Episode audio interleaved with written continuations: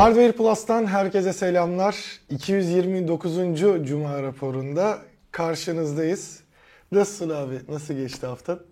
Gayet iyiydi Aydoğan. Hafta nasıl geçti? Bu hafta böyle e, şaşırdığım bir hafta oldu. Yani gelen haberler zaten sen de şeyi hemen ilk iki haberi eklemişsin. Bu e-mail hikayesi ve yurt dışından telefon getirme hikayesi. Yani mantığını anlamakla uğraştığımız bir hafta olarak geçti. Onun dışında e, hafta başında HP Türkiye'nin bir lansmanı vardı. Uzunca bir zamandan beri ilk kez yaptıkları bir lansman vardı. Ben HP Türkiye Ülke Müdürü Emre Bey'i çok severim zaten. Yani şey olarak, e, insan olarak da çok fazla severim. E, onun sunumunu izlemek de hoşuma gitti. Ama bu e, hiçbir şey tabii ki şu e-mail hikayesini, yurt dışından gelen telefon hikayesini gölgelemeyebilecek şeyde değil bu hafta. Güçte değil. E, onlara geçmeden önce şeyi söyleyelim arkadaşlara. Biz geçen hafta pazar akşamı seninle birlikte yaptığımız canlı yayında hepsi buradan Honor telefon, yeni Honor'ın yeni telefonunu alan bazı arkadaşlar e, bu bin liralık alışveriş çekinin kendilerine verilmediğini söylemişlerdi. Dün hepsi buradan aradığını söyleyen birisi bizim Eren'le konuşuyor. Yani bizi normal ofisten, normal hattımızdan aradılar ve dediler ki bu çeki alamayan insanların biz mağduriyetlerini gidermek istiyoruz dediler. Ve bizden onların bilgilerini talep ettiler. Hmm. Garip bir hikaye. Yani esas onların müşterisi filan. Kayıt olan orada. Kayıt olan orada. Yani bir de ayrıca ben hatırlıyorum chatte yazan arkadaşlardan bir iki tanesi dedi ki biz hepsi burayla da konuştuk. Ee, sınırlı sayıda olmuş bu. Ama şeye yazmamışlar. E, açıklama, açıklama şey, kampanya, kampanya bilgisi de yazmamışlar bunu. Hatta ben de dedim ki o zaman büyük ahlaksızlık. Gidin mahkemeye başvurun dedim evet. canlı yayında. Yani elinizde ekran görüntüsü varsa ya da hepsi buradanın call center ile yaptığınız yazışmada biz bu bilgiyi şeye yazmadık. Onu ihmal ettik filan gibi bir delil varsa elinizde o zaman gidin mahkemeye başvurun. Söke söke bu hakkınızı alın dedik. Her neyse şeyi söyleyelim. Ya hepsi burada ya Honor ya belki bunlardan birisinin bir ajansı ya da bir troll kim olduğunu bilmediğimiz birisi e, o arkadaşlara ulaşmaya çalışıyor. Herhalde pazar akşamı canlı yayını izleyen arkadaşlarımız mutlaka cuma günü Cuma raporunu da izliyorlardır. Evet. Ee, yeni Honor telefon alıp o kampanyadan yararlanamayanlar bence hepsi buradayla bir kontak kursunlar. Yani bu iş doğru mudur, yalan mıdır, yanlış yani mıdır? Onların servisleri zaten şeydir. Bilemeyiz. Şimdi girdim baktım en altına yazmışlar. Sonradan mı eklenmiş bilmiyorum. Bilmiyoruz ne olduğunu. Ee, ayrıca yazdılarsa bile stok bittiyse o zaman kampanyayı da kaldırmaları lazım. Şu an mesela kayıt Gene... yaptırdan ben kayıt yaptırabiliyorum. Aynen diyecektim. öyle. Kampanya açıksa evet. ve stok dolduysa bu da başka bir düzenbazlık. Yani buradaki düzenbazlığı hepsi burada mı yapıyor, Hanö Türkiye mi yapıyor, kim yapıyor ayrı mevzu. Ee, yine mesela bu durumda olan bir arkadaş bence yine mahkemeye başvurmalı. Öyle ya. Yani stok sayısı belli mi? Yok Yaz, yazmıyor. Okey. Ya, Bu arada yasa, ben tıkladığımda da kayıt alındı diyor. Yasal olarak stok sayısını da belirtmeleri lazım ayrıca. Yani mesela nasıl bu insertlerde bu ürün 10 liradan 8 liraya düştü ve elimizde 100 tane var diye belirtmek zorunda oldukları gibi onlar da belirtmeli. Her neyse benim burada dikkat çekmek istediğim şey şu. Ee, Şimdi bana öyle geliyor ki arayan kişi hepsi buradan olsa e, bunu kimler almış, call center'da kimler yazışmış bu konunun üstüne düşmüşü filan bilir anlar ve döner müşterilerine ya arkadaşlar biz sizin hakkınızı teslim ediyoruz filan der. Ya da sadece Hardware Plus gibi bir kanalda konuşulduğu için bir iki kişiye sus payı verip susturmaya da çalışıyor olabilirler. Neyin ne olduğunu bilmiyorum ama tahmin ediyorum ki biz yakın zamanda burada HVP stüdyolarında ben hepsi buradayı mahkemeye verdim ve kazandım diyen bir iki arkadaşımızı da ağırlarız. Bu konuyla ilgili bu Hanır cep telefonunun yapılan kampanya adı altında yapılan sahtekarlığıyla ilgili ee, onu da ağırlarız. Çünkü benim özelden de yazıştığım bir iki tane arkadaş var. Ne mutlu ki bize ilk kez aralarında eşi hanımefendi avukat olan bir şeyimiz var, e, takipçimiz var. Yani beyefendi almış bu hikayeyi işte mesela hani şey diyor abi dert değil benim eşim avukat zaten. Ne halledecek o süreci. Aynen öyle yani o yüzden tahmin ediyorum ki biz yakın bir sürede işte yakın dediğimiz Türkiye'deki hukuk bu işi hangi yakınlıkta hızla çözerse yakın bir sürede e, hepsi buradayı mahkemeye verdim ve kazandım videosunu da bizim kanalda yayınlarız büyük bir ihtimalle. Ee, bu sadece bir duyuru. Aynen. Biz bunu cuma, pazar günü yapacağımız canlı yayında da unutmayalım. Yine söyleyelim. Eğer bunu izlemeyen arkadaşlar varsa yani mağdur olup bunu Cuma raporunu izlemeyen arkadaşlar varsa hepsi burada ve Hanır Türkiye tarafından mağdur edilip Cuma raporunu izlemeyen arkadaşlar varsa pazar akşamı yine canlı yayında bunun duyurusunu yapalım ki onlar da haklarını Evet, savunsunlar. haberi yoksa görmemişse bu videoyu. Aynen öyle. Hatta buradan ben bunu özelden de yazdığım için çok daha rahat söyleyebilirim. Buradan eee, hem bu eşi avukat olan takipçimize hem de avukat olan başka takipçilerimize diyelim ki eee, bu işler tek bir avukatla yürüyebilir. Yani eğer 5 tane 10 tane mağdur varsa aynı avukata şey verirler, eee, Yetki verirler. yetki verirler ve aynı avukat 3 5 10 kişi için bunun şeyini yapar, mücadelesini yapar bence. Bilmiyorum bu hukuki süreçlerin nasıl gittiğini ama e, görüyorum ki son kullanıcı müşteri markaların sandığı kadar avanak değil. İnsanlar haklarını arıyorlar. Ee, İnsanlar haklarını, artık. insanlar haklarını aramaya başladılar. Evet. Ben burada bizim payımızın da olduğunu düşünüyorum açıkça söylemek gerekirse. Yani kendimize bir şey yontalım anlamında değil ama çok söylüyoruz ya bunu. Hakkınızı arayın, hakkınızın gasp edilmesine izin vermeyin. Adı hepsi burada, adı Hanır Türkiye diye herhangi bir şirketin sizi kazıklamasına göz yummayın. Sizi kandırmasına göz yummayın diyoruz ya. Ki Bunun- mesela abi şey de olmuş işte bu Migros'un 800 TL'ye Air Fryer konusunda birçok insan tüketici hakem heyetine başvurmuş.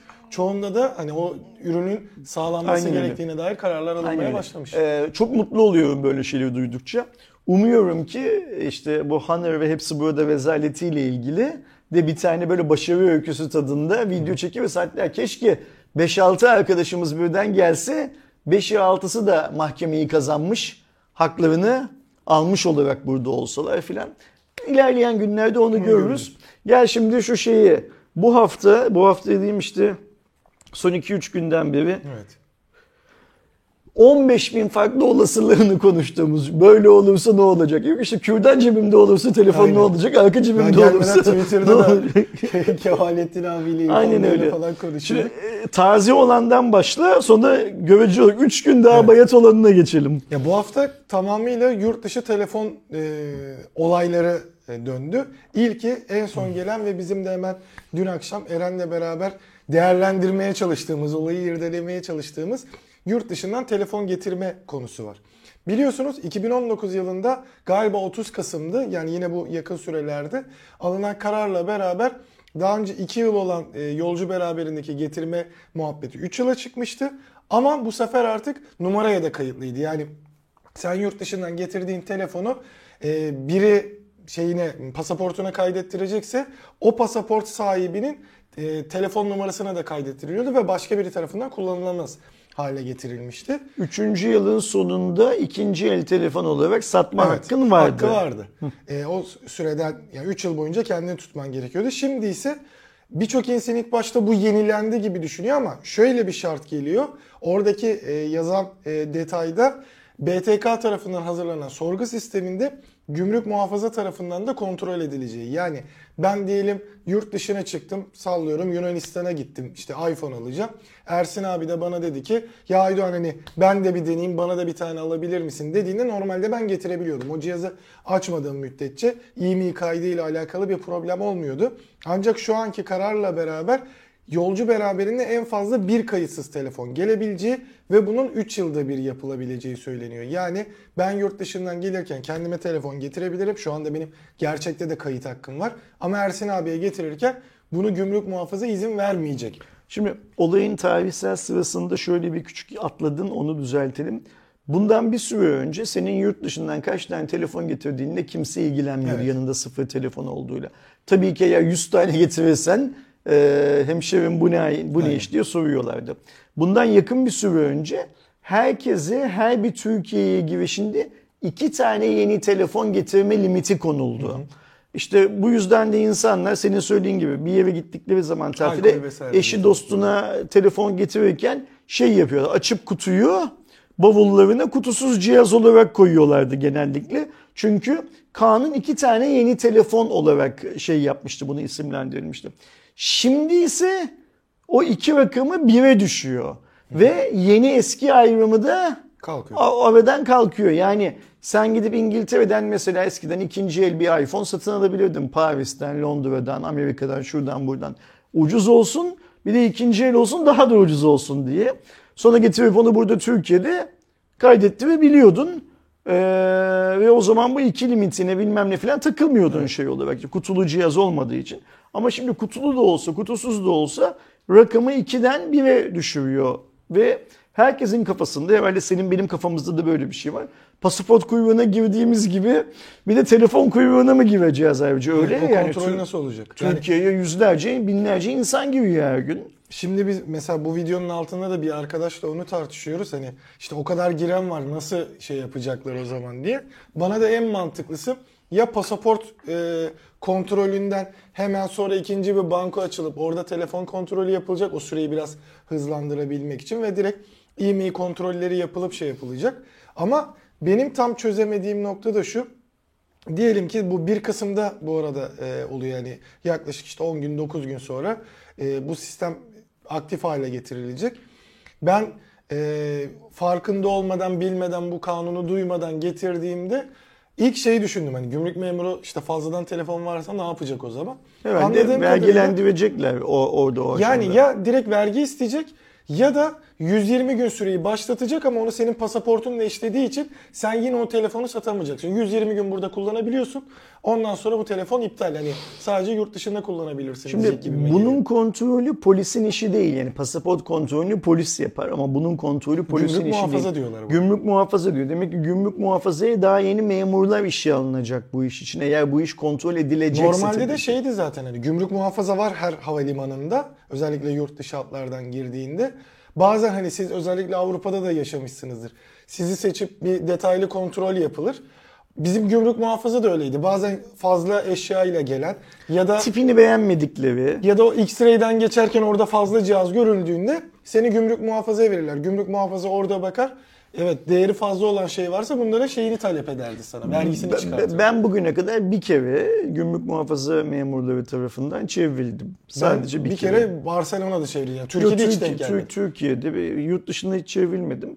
Türkiye'ye girişte bir kere gümrük muhafaza memurları tarafından çevrildim. Ee, orada da şöyle bir şey oldu.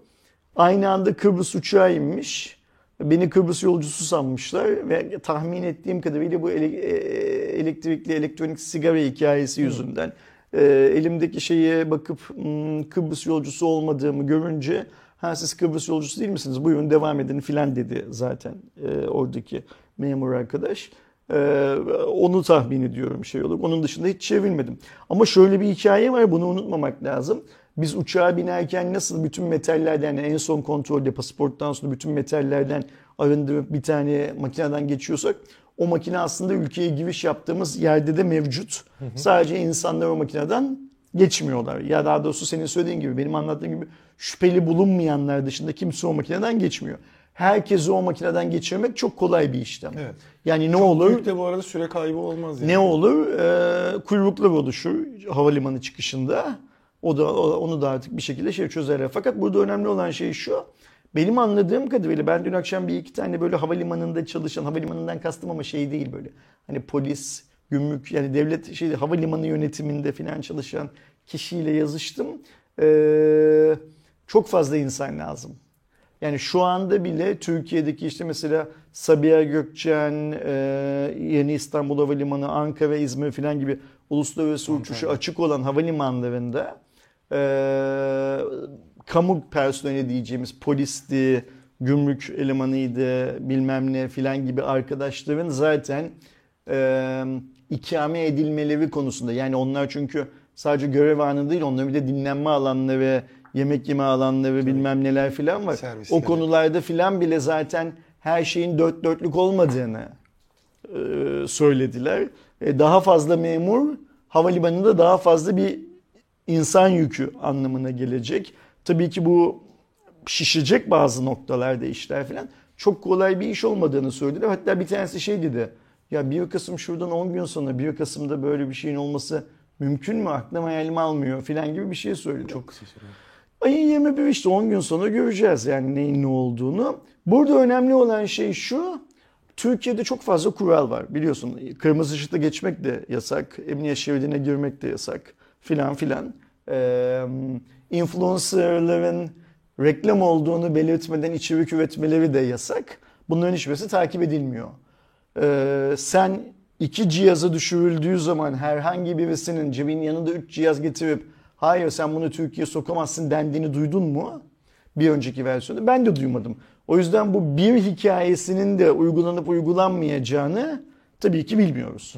Göreceğiz yani ayın birinden sonra göreceğiz ama ne olursa olsun hani sinek küçük ama mide bulandırır falan hikayesi var ya ne olursa olsun bunlar be- benim kendi görüşüme göre makroekonomik anlamda iyi sinyaller değil.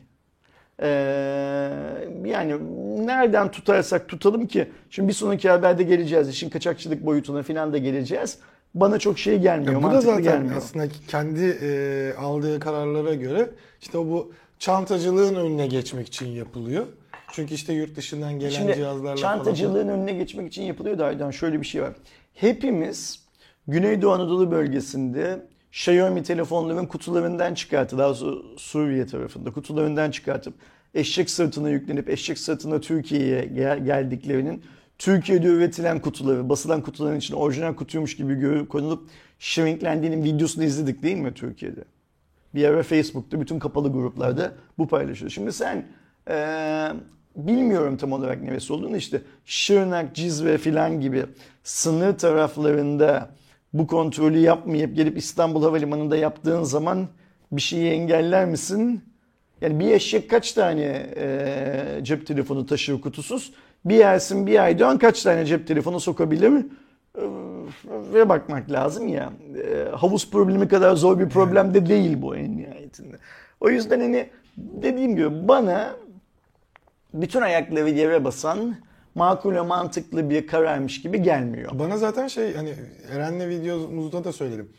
Ee, ilk biz hani burada muhabbetini yaptık işte Gürcistan'a tur düzenleyelim falan diye. Sonra onun gerçekten birçok yerde yapılması edilmesi oldu. Onlar bir anda haberleşince biri aa ne oluyor deyip böyle bir şeyi Şimdi böyle biz bir sadece takipçilerimizle bir arada olalım filan diye böyle bir Gürcistan'a gitsek kaç kişi gelir filan diye konuştuk. Nitekim çok fazla insan olmadığı için de yapmadık bu hikayeyi. Ama insanların en doğal hakkı bu Aydoğan. Yani hani her şeyi buradan satın almak zorunda değiller. E tabii ki alıp da bedavaya getirmek gibi bir hakları da yok. Bu da önemli ama sen ne demişsin zaten? E, bundan kısa bir süre önce 170 lira olan kayıt ücretini 2000 küsur liralara çıkarmışsın. Yılbaşından sonra 5000 liralara çıkacağı falan söylüyor. Ben bu paraları vermeye razıysam canım nereden isterse getiririm. Şimdi ikinci habere geçelim. Ee, birlikte değerlendirelim. Çünkü bunlar birbirlerinden çok ayrı konular değil bir şekilde. Zaten bu olay dün eee, ortaya çıktı arkadaşlar. Birkaç gün öncesinde de e-mail muhabbeti vardı. Daha önce eee, bir e-mail'in yani sizin daha önce aldığınız bir telefonu, Türkiye'den aldığınız bir telefonu 7 yıl boyunca herhangi bir şekilde hat takılıp sinyal vermemesi durumunda iyi bir e-mail'si boşa çıkıyordu. Yani kayıtsız hale Havuz geliyordu. dışına itiliyor. Evet. Türkiye'de bir yemeği havuzu var. Ne demek bu yemeği havuzu? BTK Türkiye'de cep telefonu satan tüm markalara. Bu şu an bildiğimiz markalar olduğu gibi işte artık Türkiye'den çekilen Sony, LG, daha önce Türkiye'de telefon satan Siemens, Alcatel filan filan gibi markalara da Türkiye'ye soktukları her cihazın, resmi olarak soktukları her cihazın e-mail'sini kaydettirme zorunluluğu getiriyor. Ve diyor ki eğer diyor siz bu e-mailleri kaydettiremezsiniz Türkiye'deki 3 tane operatör bunlara sinyal vermez diyor. Ve böylece kayıt edile edile bir havuz oluşuyor Türkiye'de. Bundan önceki yöntem neydi? Yani e, Ulaştırma Bakanlığı aracılığıyla meclisten çıkan kanunla Ulaştırma Bakanlığı aracılığıyla BTK'ya verilen yetki neydi? 7 yıl boyunca sinyal almayan cihazların e-maillerinin bu havuzdan çıkartılmasıydı. Yani şöyle mantık yürütülüyordu. Eğer bir cihaz 7 yıl boyunca sim kart takılmadıysa, hiç sinyal almadıysa o cihaz kırılmış olabilir, unutulmuş olabilir, denize düşmüş olabilir, olabilir de olabilir filan filan. Bu e-mail havuzundan çıkartalım deniyordu. Çıkartıldı mı peki? Yani bu kanun alındı ya çıkartıldı mı havuzdan? Benim bildiğim kadarıyla çıkartılmadı. Yani biraz önce konuştuğumuz gibi ku- kural var, uygulandı mı? uygulanmadı. Ya bizim Bu- evde mesela 7 yıllık bir telefon var mı yok mu ondan bile Bunun bilmiyorum. sonucunda da ne oldu? 4.5G sinyali alan hatta 5G sinyali alan 66 çift sıfırlar 33 onlar falan var piyasada. Yani IMEI 66 çift sıfır 33 on olarak kaydedilmiş ama operatör tarafından bakıyorsun hatta havalimanına gittiği zaman 5G sinyali almış bu cihaz. Yani uygun cihazsa eğer. bir anda aktif olmuş Beş- aslında. Yok yok hayır zaten kullanılmış cihaz sürekli. Sürekli kullanılmış hiçbir dert değil ama nasıl oluyordu 3310 4.5G sinyali alıyor. Nasıl oluyordu 66 çift 0 4.5G sinyali alıyor gibi hikayeler var. Şimdi bu 7 yıllık hikayeyi süreyi eee bir yıla indiriyorlar. Yani diyorlar ki bir yıl boyunca Türkiye'de kayıtlı olan e-maillerden herhangi birisi Turkcell, Türk Telekom ya da Vodafone sinyali almadığı anda e-mail havuzundan dışarıya çıkartalım diyorlar. Şimdi yeni kanun bu değil mi üzerinde konuşuyor. Şimdi ben de diyorum ki 7 yıl uyguladık mı ki? Bir yıl uygulayacağız. Öyle ya yani. Bu sefer uygulanmaya başlanırsa o zaman büyük dert. Ha şimdi eğer o aşamaya gelirse orada şunu konuşmak lazım. Çok güzel. Zaten herhalde hepimizin endişesi de bu değil mi? 7 yıl uygulanmıyordu. 7 yılın uygulanmadığını vatandaş bildiği için kaçakçılar da çok iyi bildikleri için yurt dışından kaçak telefon getiriyorlardı. Ne getiriyordu işte 20 bin liralık 15 bin liralık Çinli telefonları getiriyorlardı. 33 onun 66 çift sıfırın e-mail'sini çakıp Türkiye'de 20 bin liraya satılan telefonu 11-12 bin liraya insanlara satıyorlardı. İnsanlar da 20 bin lira verecek paraları olmadığı için 11-12 bin lirayı bunu alıyorlardı. Şimdi ben hep e-mail'i önermiyorum dedim ya. İnsanlar bunu çok yanlış anladılar. Hala da yanlış anlıyorlar. Ben e-mail çakılmış telefon alıp kullanan adamlara herhangi bir şey söylemiyordum. Ben hep şunu söylüyordum. Bu mekanizma, içinde bulunduğumuz mekanizma işte e, kaçakçılık diyeceğimiz adil olmayan bir gelir türünü şey yapıyor, doğuruyor Türkiye'de. Nitekim işte bu iş büyüdü, büyüdü, büyüdü. Aydoğan o Suriye'den eşek sırtında cep telefonu getirmeye kadar vardı artık. Türkiye'de kutu basmaya, orijinal kutuymuş gibi kutular basmaya kadar filan vardı bu iş şey anlamında. Şimdi burada nereden bakarsak bakalım hep vatandaş zararlı çıkıyor. Benim itiraz ettiğim nokta buydu. Yani hükümetlerin vatandaşlarının zararlı çıkacağı yolların açılmasına engel olmaları lazım. Yani ne oldu bugüne kadar?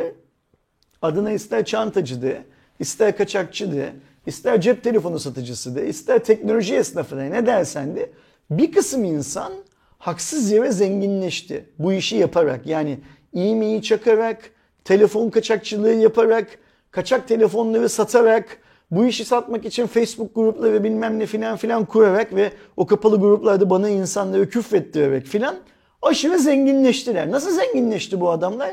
Hiçbir vergi ödemeden zenginleşti. Bak şimdi 20 bin liraya telefon alamayacak parası olan vatandaşımız 11 bin liraya telefon alıyor ya 9 bin lira kazandım diyor.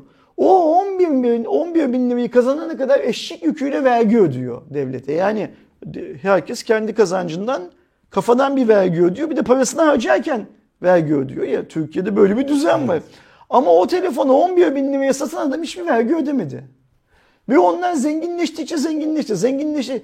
Zenginleştikçe kendi yayıncılarını, kendi influencerlarını filan yarattılar. Mesela sizin dün çektiğiniz şuradaki videonun altında bazı yorumlar var. Diyor ki bu iş yasak olursa diyorlar en büyük zararı siz görürsünüz. Hadi lan biz ne zarar göreceğiz? Biz bugüne kadar hangi kaçakçıyla, hangi torbacıyla, hangi çantacıyla iş yapmışız? Ben ne zarar göreceğim? Biz hep bu adamlardan uzak durduk. Bize ben yasal distribütörüm diyen, bak ben yasal Xiaomi distribütörüyüm diyen, Xiaomi'nin lansmanlarında adı distribütör olarak görünen adamlar bile sonra el altından, oradaki o koca koca şirketler bile el altından kaçak telefon gönderdikleri zaman biz o telefonları durun dedik o adamlara. O ve o adamlarla bu yüzden tartıştık. Çalışmıyoruz artık onların bir kısmıyla. Şunu çok net hepimiz biliyoruz değil mi? Özellikle Xiaomi ekosisteminde şu anda legal iş yapıyorum diyen distribütörlerin çoğunun geçmişi kaçakçılık üstünde kurulu ve hala paralel ithalatta yapıyorlar bunların bir kısmı. Biz bunların hepsinden kendimizi ayırdık, uzak durduk zaman içinde. Yapılan yanlışları falan. O yüzden Ben bu işten zarar görmem. Benim söylemeye çalıştığım en başından beri şey şu. Vatandaş zarar görüyor bu işten. Ve hükümetler, hükmedenler, imparatorlar, yöneticiler, parti başkanları, başbakanlar, cumhurbaşkanları kendi halklarının zarar görmesini engellemekle yükümlüler bence. Şimdi sen öyle bir düzen kurdun ki bu ülkede adamın 20 bin liraya gidip telefon alacak parası yok. Çünkü telefonun parası bir anda 20 bin liraya çıktı. Bundan 5 yıl önce asgari ücret 1600 lirayken ya da 7 yıl önce asgari ücret 1600 lirayken 2000 liraya feviştah bir telefon alınabiliyordu. 2500 liraya iPhone alınıyor. Bakın açın HVP diye bir kanal var. Orada Ersin diye bir herif var. Onun çektiği 2000 liradan fazla cep telefonuna para vermem diye bir video var. O videoyu açın izleyin. Türkiye'de o anda en pahalı telefon 2400 lirayla iPhone 2200 liraya HTC. Asgari ücret 1600 lira. Yani sen bir buçuk asgari ücreti dünyadaki en iyi telefonu alabileceğin bir ülkede yaşıyordun. Şu anda bir buçuk asgari ücrete telefon bile alamıyorsun neredeyse doğru düzgün. Yani bırak en iyiyi almak. Şimdi ekonomi o Girse kadar o kadar kötü günlerden, o kadar iyi günlerden bu kadar kötü günlere gelmiş. Değişmeyen şey ne? Ülke hala aynı zihniyetle yönetiliyor. Ve sorduğun, sorulduğu zaman deniyor ki gözümdeki parıltıya bak ekonomi çok iyi değil mi? Bundan önce diyorlardı ki Ekim ayında mı enflasyon düşecek diye. Vallahi Ekim'e mi iki artık. Kasım'a mı nereye düşecekse düşmüyor enflasyon şey dolar. O şimdi Ocağı mı Şubat'a mı ne işaret ediyorlar abi? Düşecek mi? İnanıyor musun? Ben şahsen inanmıyorum düşeceğine. İnşallah düşer de kalkar şunu söylerim. Ya ben inanmıyordum bunun düşeceğine. Ne enflasyonun ne dolar kurunun düşeceğine inanmıyordum. Helal olsun adamlar düşürdüler. Ben de ne kadar gerizekalı bir herifmişim ki. Adamların bunu yapamayacağını söylemişim. Derim inşallah. O günleri de görürüz. Bu ayrı mevzu. Şimdi sen bir buçuk asgari ücretle iPhone alınabilen ülkeden 10 asgari ücretle iPhone alınabilen ülkeye taşıdın bu ülkeyi. Ve şimdi e, bunu yaparken de tefecilik yapana bak cep telefonu üzerinden tefecilik yapıldı bu ülkede. Evet yapıldı. İnsanlar unutmasınlar bunu. Cep telefonlarını insanlar gittiler satın aldılar kredi kartlarıyla. Ya da- Yarı fiyata ya da taksitle yarı fiyata gittiler tefecilere. Tefecilik nedir? Para satan adamdır. Para satan adama nakit verdiler. Niye? Bankadan kredi alamıyorlar diye. Sen kaçakçıya göz yumdun. Tefeciye göz yumdun. Bu, bu insanların bu işleri yapmalarını hiç şey yapmadın. Ee, engel olmaya çalışmadın. Ama kalkıp sürekli vatandaşı dövdün. Nasıl dövdün? E-mail fiyatını 2000 lira çıkarttın e-mail kayıt ücretini. İlk önce dedin ki 2 yılda bir e-mail kaydettirebilirsin, yeni cihaz getirebilirsin. Sonra onu 3 yıla çıkarttın. Sonra dedin ki sadece sen kullanabilirsin, başkası kullanamaz. Arada dedin ki ben bu telefonlardan TRT bandrol parası da alacağım. Sonra kalktın 200 dolar kararnamesi diye bir şey çıkarttın. Türkiye'de ucuz telefon bırakmadın. Bir anda bütün telefonlar pahalandı istersen. Çünkü niye? Telefon 200 doların altında bile olsa ben bunu 200 doların üzerindeymiş gibi vergilendiririm dedin. Mantığa, fiyatından mantığa bakar mısın? Telefon 100 dolar belki. Türkiye'de 200 dolarmış gibi vergilendirecek. Şimdi bu şartlar altında hangi satıcı 100 dolarlık telefonu Türkiye'ye getirip satsın? Satamaz mümkün değil. Çünkü 200 dolarlık telefonun aynı fiyata satıyor. O zaman 200 dolarlığa getirir herkes. Daha adil olsun, satışı daha kolay olsun. E, E bu ucuz telefon bak şimdi telefon devlet eliyle Türkiye'de ucuz telefon diye bir şey kalmadı. Ve buradaki devlet eliyle dememin kastı şu. Dolardan, ekonomiden e, filan bahsetmiyoruz. Vergilerden filan. Sırf bir 200 dolar kararnamesiyle ucuz telefon kalmadı Türkiye'de.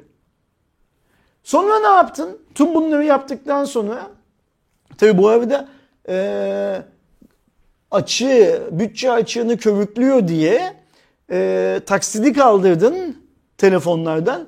Geldiğimiz noktada dört işlem yapabilen, yapabilen herkes görüyor ki taksidi kaldırmak, 200 dolar kararnamesi bilmem ne filan filan bütçe açığına zerre kadar faydası olmadı Aydoğan. Yani biz mesela taksidi 2 yıl önce mi ne kaldırdık?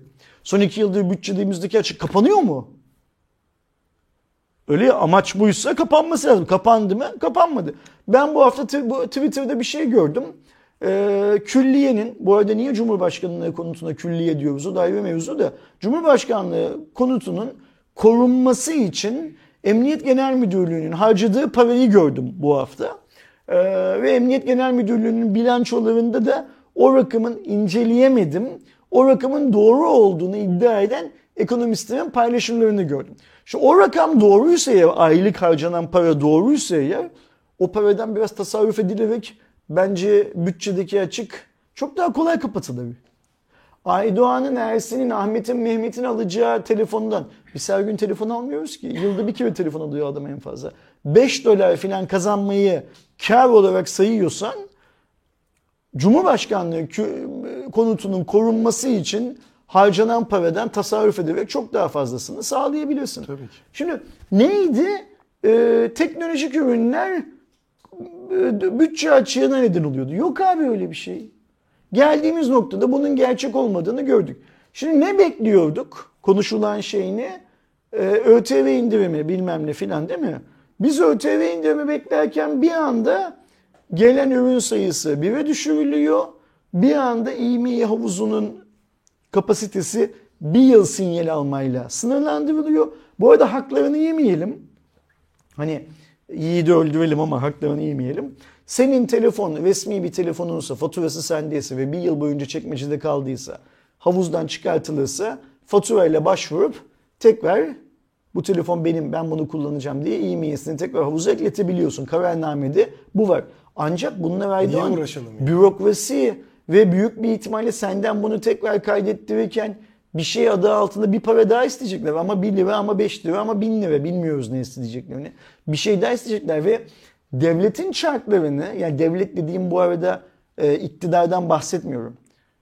Türkiye Cumhuriyeti Devleti'nin çarklarını böyle basit işlerle çalıştırırsan eğer daha ciddi işlere harcayacak şeyin kalmıyor, eforun kalmıyor. Bak şimdi e, havalimanlarında bu iyi, telefondan nasıl kontrol edileceği konuşuyoruz.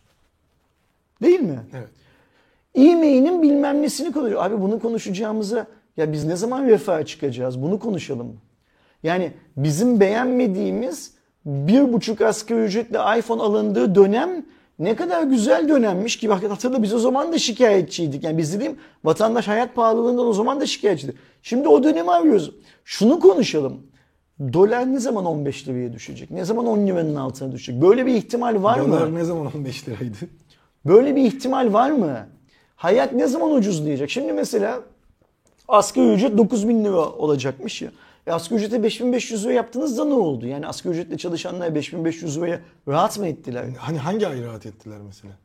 Ayrıca piyasada yani İstanbul'da değil ama sağ olsunlar Anadolu'da esnaflık yapan bir yığın takipçimiz var. Duyuyoruz ki hiç kimse 5500 lira maaşla insan işi almıyor Anadolu'da. Herkes diyor ki kardeşim ben 5500 lira verirsem eğer bu suyu, bu tüpü, şu nalbursa boyayı bu fiyattan satamam. O yüzden ben sana 4000 lira maaş vereceğim. Yani 5500'ün altında bir rakamla anlaşıyor ve insanlar iş bulamadıkları için bu rakamları kabul ediyorlar anladığım Sonra kadarıyla. 1500'ü geriye iade ediyor. İşte vermiyor bile belki. Yani Ya çünkü iki kişi çalışıyorsa yanında elden ödeme hakkı var ya da sigorta bile yapmıyor belki. Bilmiyoruz ne olduğunu. Ama buradaki olay bak şimdi 5500 lira vermeyen esnafta sigorta yapmayan adamda değil. Olay şu. Sen vatandaşını 5500 liranın bile altında çalışabilecek durumda bıraktın. Adam muhtaç çalışmak zorunda. Ayrıca ben sanmıyorum ki bu esnafların falan büyük bir çoğunluğu da sırf 5500 vermeyeyim 500 lira 1000 lira az vereyim de aç gözlülüklerinden bunu yapmıyor. Adam da şöyle düşünüyor anladığım kadarıyla. Adam mesela ne olsun Kütahya'nın bir kasabasında restoran işletiyor. Herifin günlük cirosu belli. Ben diyor burada 5 tane garson var diyor ya da işte bulaşıkçıyla falan beraber 5 kişi çalışıyor. Nasıl diyor bunlara bu kadar maaş vereceğim? O zaman kuru fasulye pilavı 5 lira daha pahalıya satmam lazım. E zaten kuru fasulye ile pilav son zamanlarda yükseldiği için zaten zam yaptım. Bir de asgari ücret yüzünden mi zam yapacağım? Dönüyor diyor ki çalışanına ya diyor işsiz kalacaksın diyor. Ya da ben sana bu parayı veremeyeceğim diyor. Yani bunlar böyle böyle böyle, hani zincirleme e, işler var diyor o tarz işler. Şimdi bizim dönüp vatandaş niye bu hale geldiği konuşmamız. İnsanların hayat standartlarını nasıl arttırabileceğimizi tartışmamız gerekirken neyi tartışıyoruz? Daha fazla gümrük muhafaza memuru mu işe alınacak? Biz havalimanına giderken sıra oluyoruz. Çıkarken de mi bir sıra olacağız? İyi bir iptal olursa biz bunu tekrar nasıl faturası bende kaydettireceğiz filan gibi. yani şey e, kendi takvimlerine şey işleyip 365 günde olmadan bir hat hat, bir kere hat sinyal mi takacak? Orada da işte bak sen söylüyorsun. Mesela eski sim kartlı bir cihaz varsa büyük evde de onun aparatı yoksa nasıl takacaklar? 2 yıl sonra 3 yıl sonra e-sim'e tamamen geçilirse bu iş nasıl halledilecek? Bir yıl hikayesi nasıl halledilecek? Yani, ben gideceğim e, e-sim mi değiştireceğim sürekli operatörümle? Pardon burada önemli olan şey şu. Şimdi kaçakçılığın sıfırlanması tabii ki hepimizin vatandaş olarak arzulayacağımız bir şey. Ama Ve bu kaçakçılık sadece- rahat rahat. Telefonda değil her noktada sıfırlandırılması gereken bir şey. Yani devletin bak yine hükümet demiyorum. AKP'ye söylemiyorum yine. Devletin kaçakçılıkla mücadelesini hiçbirimiz ya abi bir dur kaçakçılıkla mücadele etme deme lüksüne sahip değiliz. Ayrıca hiçbirimiz siz kaçak sigara getirin ben onu yasaklamayacağım diyecek bir zihniyeti de en azından benim tanıdığım hiç kimse onaylayacak durumda da değil. Bunu ne zaman söylediği önemsiz. Dün de söylemiş olsa kimden bahsediyoruz? İşte CHP'nin başındaki beyefendiden bahsediyoruz. Ki o beyefendi sansür yasasında biz gidip oy kullansaydık iktidar daha fazla milletvekiliyle gelip oy kullanacaktı filan gibisinden Görseydik. saçma sapan akıllara ziyan bir açıklama da yapabiliyor. Şunu unutmamak lazım. Bu beyefendi İstanbul Büyükşehir Belediyesi Başkan adayı olduğu zaman kendisine bile oy verememişti zaten. Ve şimdi büyük kitleler bu adamı ku- kurtuluş önderi olarak pozisyonlamaya filan çalışıyor. Çok garip her neyse. İşin o siyasi kısmına girmeyelim. Çünkü girdikçe her yerimizden kan akıyor. İnsanın şeyi yaşama sevinci gidiyor bünyesine. Şimdi kaçakçılıkla mücadele eyvallah. Abi sen kaçakçıyla mücadele et. Şimdi bu mücadele yöntemiyle vatandaşı mağdur ediyorsun. Kaçakçıyı mağdur etsen. Kim bu işi yapıyor? Bak mesela gelip bana sorsalar ben Facebook'ta beni takip edenlerin arasında da dahil olacak en az 15 kişi çıkartıyorum. Bu adamların bu kaçak yapıyla alakası var diye. Şimdi bunu ben biliyorum da kaçakçılık şube bilmiyor mu bu işin böyle yapıldığını? Yani bu telefonların Türkiye'ye nasıl sokulduğunu otorite bilmiyor mu? Ona gıkını biliyorlar. çıkarmayacaksın. O 20 bin lira verecek parası olmadığı için gidip 11 bin liraya o telefonu olan Doğuş'a diyeceksin ki Doğuş'cum sen hatalı iş yapıyorsun.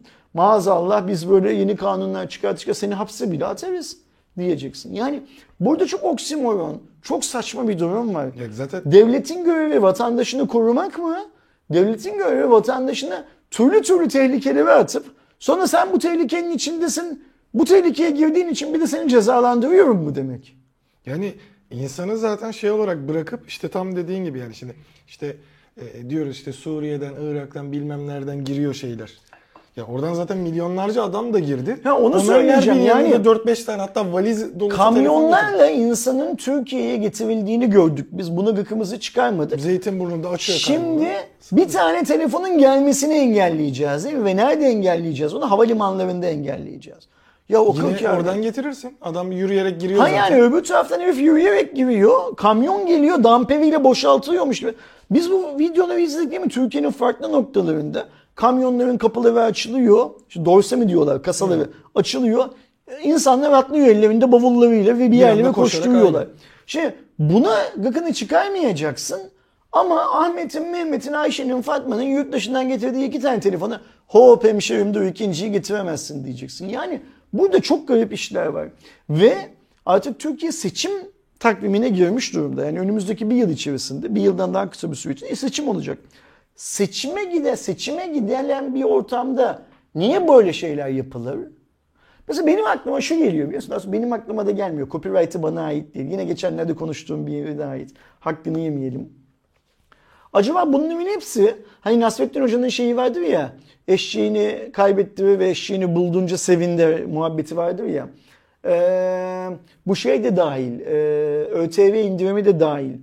Bunlar uygulamaya alınacak. İşte 2-3 kişi havalimanında sen ikinci cihazı getirdin diye vergi ödemek zorunda bırakılacak. Bir iki kişinin bir yıldan fazla sinyal almayan telefonu e-mail havuzundan çıkartılacak ve onları o telefonlarını kaydettirmek için analara ağlayacak ve gerekiyorsa üstlerine para verecekler filan filan. Sonra acaba iktidar partisi ya bu işler yanlış. Biz bu yanlışları ortadan kaldırıyoruz. Bir de üstüne üstlük sembolik bir öğrenciye yüzde bir, yüzde bir buçuk ÖTV indirime getiriyoruz. Deyip şu anki hale geriye mi dönecek? Yani amaç acaba Türk insanına eşeğini kaybettirip sonra eşeği bulunca sevinmesini sağlamak mı? Amaç buysa ben buna fit değilim bak söyleyeyim. Ben şu anki düzenden, şu anki düzenin beni çok düzdüğünü inan- inanıyorum gerçekten. Ve daha fazla üzülmek, daha fazla düzülmek her neyse istemiyorum şey olarak.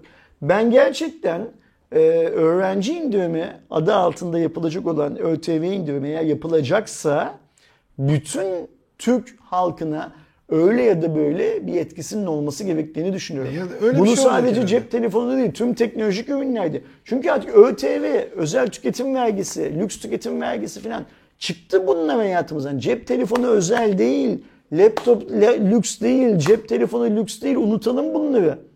Lüks denilen şeyin ne olduğunu smoothie içenler biliyorlar. Ben hayatım boyunca smoothie yapıp içmedim evde. Ben dışarıda da çok fazla smoothie içmedim. Nasıl yapıldığını da bilmem. Ama benim gözümde smoothie'dir lüks. Hele Türkiye coğrafyasında yetişmeyen herhangi bir meyveyle yapılıyorsa lükstür bu. E, Tabii. İş Ama- bu kadar basit. Yani neyin lüks olduğunu, neyin lüks olmadığını bir kez daha şey yapalım. e, tanımlayalım bu ülkede. Ve bunu 3 kişi 5 kişi bir masaya oturup tanımlamasın. Bütün halkın şeyiyle görüşlerine destek verilerek tanımlansın. Yani traktör lüks olabilir mi çiftçi için? Laptop lüks olabilir mi öğrenci için? Şu an zaten Neyin hani, lüksünden bahsediyoruz? e, şeyler Benim cep telefonumda TRT bandrolünün ne işi var? Niye ben TRT'ye her aldığım cep telefonunda para ödüyorum? Televizyonda ödüyorum zaten. Yurt dışı çıkış pulu diye bir şey niye var? Bunları konuşalım. Yani eee, bu ülkede sadece cep telefonunun vergilendirilmesi anlamında son 10 yıldır vatandaşın lehine yapılan bir şey var mı? Ya ben şu an şöyle bir şey bekliyorum abi. Tam dediğinle de e, paralel. Bu işte böyle sıkılacak sıkılacak. Belki hemen 29 Ekim'de yani bir hafta sonra olacak açıklamalar. Yo 28'indeydi galiba AK Parti'nin vizyonu için. Ama oradaki de şey olacak anladığım kadarıyla. Bazıları geçirilecek, bazıları seçim vaadi olarak verilecek. Ve şey olacak yani mesela şu an öğrenci için ÖTV indirimi bekliyoruz. İşte bunu konuştuk ettik. Hani iyi bir şey olduğunu. Bu böyle şey yapılınca denilecek ki öğrenciye değil biz bütün herkese yapıyoruz bunu. Öğrenciden Ver hiç yetkiyi, gör etkiyi muhabbeti öyle bir yine. Öğrenciden hiç almayacağız. E, normal vatandaştan da %50 indirimli olacak. İlk cihaz için bilmem ne için falan. Hani Şimdi çünkü şey var bunlar buradaki amaç yurt dışından almasınlar vesaire ise tamam hani vergilendirilmiş ürün alsın vesaire durumuysa e sen buradakini de alacak duruma getir. Çünkü şey diye düşünenler de var. O zaman gidip 40 bin liraya da iPhone almasın yarı fiyatına da telefon var. İşte bu, var da. bu zaten çok farklı bir hikaye. Yani sen bu ülkede 40 bin liraya iPhone satılmasına izin vereceksin. İzin vermekten kastım Apple'a niye 40'a satıyorsun demek değil. Dolar kuru belli, vergiler belli filan filan. Kurun 15 liralara çıkmasına, 20 liraya merdiven dayamasına göz yumacaksın. Sonra da bu cihaz 20-40 bin liraya satılacak ve birisi de kalkıp diyecek ki onlar da 40 bin liraya iPhone almasın. Abi bu kimsenin üstüne vazife değil. O zaman iki gün sonra çıkıp şunu söyleyelim. Bu adam da lüks araba kullanmasın. E peki ben şey diyebiliyor muyum? Ablacığım sen de smoothie içme diyebiliyor muyum? Diyemiyorum değil mi? Ya zaten şey durumuna geldik işte. Gerekirse ekmek almasın durumunu, domates almasın durumunu konuştuk. Biz o tanzim muhabbetleri döndüğünde zaten. Yani bunlar şey çok saçma sapan işler. E, Elle tutulur yanı yok. Benim gördüğüm kadarıyla bugün konuştuğumuz şu iki nokta sadece Türkiye'de tek bir meslek grubunun işine yarıyor. Kim o meslek grupları? İşte e, Turkcell bayileri, Samsung shoplar filan gibi resmi olarak cep telefonu işi yapan insanlar. Bunlara Teknosa'yı, hepsi buradayı bilmem neyi filan da koy. Çünkü insanların Türkiye'de mutlaka buralardan alışveriş yapmasını yönlendirecek bir sistem oluşuyor. Ve sanki bana öyle geliyor ki bu ÖTV indirimi, öğrenci ÖTV indirimi filan da hani ağza bir parmak bal çalmak değil, daha fare doğuracak gibi bir şey çıkıyor karşımda düşününce. İnşallah yanılıyorumdur. İnşallah böyle olmaz ama e, hani iyiyi gösterip arada böyle bunları da iteleme filan gibi bir şeyden bahsediyorum. Çok şey üzücü. Yani e, ben hep şunu söylüyorum. Hep de aynısını söyledim. İyi mi iyi çakılmış cihaz önermiyorum. Bu kaçakçılığın sizi bir parçası yapıyor. Vatandaş da diyor ki benim 20 bin lira verecek param yok. 11 bin liraya bunu alıyorum. E alacak yapacak bir şey yok burada. Yani şöyle düşünmek lazım. Bak şimdi doktorlar da bir kısmı GDO'lu besin önermiyor. Ama GDO'lu olanlar GDO'suz olanlardan doğal olanlar daha ucuz olduğu için halkın bir kısmı O gidip da mesela şey oldu. onu alıyor. Hani o sadece Türkiye'de değil, dünyada şimdi şey oldu işte hani organik daha pahalı.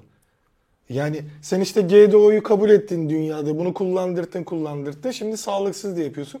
O normalde üretilmesi gereken şekli Ya bize daha GD pahalı. GDO'nun sağlıksız olmadığını, sağlıksız değil diyenlerin yanlış Tabii. söylediğini iddia eden de bir bilim adamı grubu. O yüzden GDO'yu boş ver. Şunu söyleyelim. Mesela nasıl anlatırım bunu? Şimdi mesela bizim domateslerimiz bazen Rusya'dan filan Almanya'dan geriye dönüyor ya. Geriye dönen domatesi alan al insanlar var. Hale tekrar geri geliyor. Yok hale değil yani. Mesela üretici yarısını Rusya'ya göndermiş, yarısını Türkiye'de satıyor. Türkiye'de satılanı alıyor adam. Şimdi markete gidiyorsun, Ha, bakıyorsun. oluyor aslında. Bir yerde domates 15 lira, yan iki tane yan te- şeydi. Aynı markette sağ tarafta 15 lira, sol tarafta 25 lira. E 15 liralığını alıyorsun işte. Ucuz diye. Ve alırken biliyorsun da yani arada bir kalite farkı var değil mi? Bunu alıyorsun. Şunu da az buçuk tahmin ediyorsun değil mi? Mesela kaşar peynirinin ucuzunu aldığın zaman ne diyorlar içinde patates püresi var diyorlar. Ya da sucuk benzeri gıda diye bir şey var. İçinde ne varmış bunun? Ee, tavukların kıkırdaklarını bilmem neleri filan makineden geçirip kıyma haline getirip sucuk yapıyorlarmış. Bunun sağlığa çok da yararlı olmadığını biliyorsun değil mi? Ama fermente olan çok pahalı olduğu için ısıl işlem görmüşü alıyorsun. Bu senin tercihin. Sana zararlı olduğunu bilerek alıyorsun. Şimdi bizim konuşmamız gereken nokta bence bu insanlar niye iyi mi iyi çakılmış telefon alıyorlar? Bu insanlar niye ısıl işlem görmüş sucuk alıyorlar? Bu insanlar niye içinde patates püresi olduğu bilinen eee, kaşar peynirini alıyorlar? Bu insanlar niçin paslanmış demirlerle eee, üretilen zeytini, siyahlaştırılan zeytini alıyorlar? Bu insanlar daha çok paraları olsa kendilerine daha faydalı gıdalar alsalar, vergileri ödenmiş cep telefonları, vergileri ödenmiş te- te- telefonlar alsalar, bu insanlar gidip işte arabaya gaz taktırmakla bilmem neyle falan uğraşmasalar, benzinli araba, elektrikli araba her neyse onu kullansalar, bu insanlar ev kiralarından yakınmasınlar diye önlemler alınsa, Ev alabilseler. Ev alabilseler, aynen öyle evleri olsa, kiradan kurtulsa biz bunları konuşmak yerine hayır iki tane cep telefonu getirme bundan sonra bir tane getirebileceksin. İki yıl kullanamaz. Anan kullanamaz sadece sen kullanacaksın. Senin üstüne kaydettirdik o telefonu. Eskiden 170 lira veriyordun kayda şimdi 2700 lira vereceksin diye filan konuşuyoruz. Çok yazık. Çok yazık. Yani istediğim tek şey Aydoğan gerçekten ölmeden önce hmm, bir İtalyanın, bir Yunan'ın, bir Bulgar'ın, bak bir Bulgar'ı diyorum, hayatlarından çıkan şu ömür törpüleyici detayların Türk insanının da hayatından çıkması. Çok zor şeyler değil bunlar ya. Yani ye- niye yapmıyoruz biz bunları? Benim derdim smoothie içmekle, smoothie içenle falan. içe, beğenen içsin tabii ki ayrı mevzu. Ne meyveliydi? Değişiyor. Orman meyveli bilmem Yok yok hayır bu meşhur smoothie'miz hani e, hanımefendinin partide ikram ettiği. Ha şey. Yo hatırlayamadım. İşte bilmem ne meyveli yani Türkiye'de isteyen parası olan da onu içsin tabii ki. Yani de- sakın şöyle... Ejderha meyveli miydi? Ne? oradaki? Ejderha meyveli. Ha ejder meyveli. Ejder haklısın. E, Ben ejder meyvesinin ne olduğunu bile bilmediğim için yani görsem Ejderha diyorum ben de. yani hani şey der topu görse bomba zanneder karakola götürür derler diye ben de onu görsem ne lan bu meyve mi filan diyecek bir adam olduğum için bilmediğimden aklıma da gelmiyor. Derdimiz ejder meyveli smoothie içenle değil. Derdimiz yiyecek ekmek bulamayana nasıl ekmek vereceğimizde. Alacak cep telefonu, cep telefonu alacak parası olmayan adamın nasıl parası olmasını sağlanacağıyla. Bilmem ne filan filan. O yüzden bu detaylarda o kadar çok boğuluyoruz ki Aydoğan. Büyük resme bir türlü bakamıyoruz. Büyük resim şu arkadaşlar bakın. Büyük resim şu. Bugün günlerden 21 Ekim 2022. 21 Ekim 2021'de bundan tam bir yıl önce daha zengindik. Evet. Dert bu. Yani birim olarak daha düşük param var ama daha Aynen öyle. Satın alma gücümüz daha fazlaydı. Bu tarihlerde dolar hala 10 liraya geçmemişti. Yani hatta 9 liraya falan bile gelmemişti galiba. Deniyordu ki abi 10 lira olur mu? Diyordum ki 10 lira olsa da keşke 10 lirada kalsa diyordum. 18 lira mı şu anda? Kaç? 18'i üstünde. Ben son bir iki ayda dolar kaç lira onu bile bakmıyorum. Çok ciddi söylüyorum. Bak, dolarım da yok eyvallah da yani bakmıyorum. 11'miş tam bir sene önce bugün. Ha bu 11 yani o yükseliş başlamış yani. Özür diliyorum. o zaman. 18.60 şu anda. Ama 11 bile şu an 11 bile olsa var ya hayatımız ne kadar güzel olur bence. İşte Şu zaten 11 hani olabilse. e, işin şey tarafı o hani bir insan mekanizması yapısı şeye alış olduğu için hani alışmaya meyilli olduğu için ya bütün canlılar öyle zaten hani o durumlara karşı. Şimdi bir şekilde işte 15'e girilese çok sevineceğiz. Ona gelse ne güzel oldu diyeceğiz.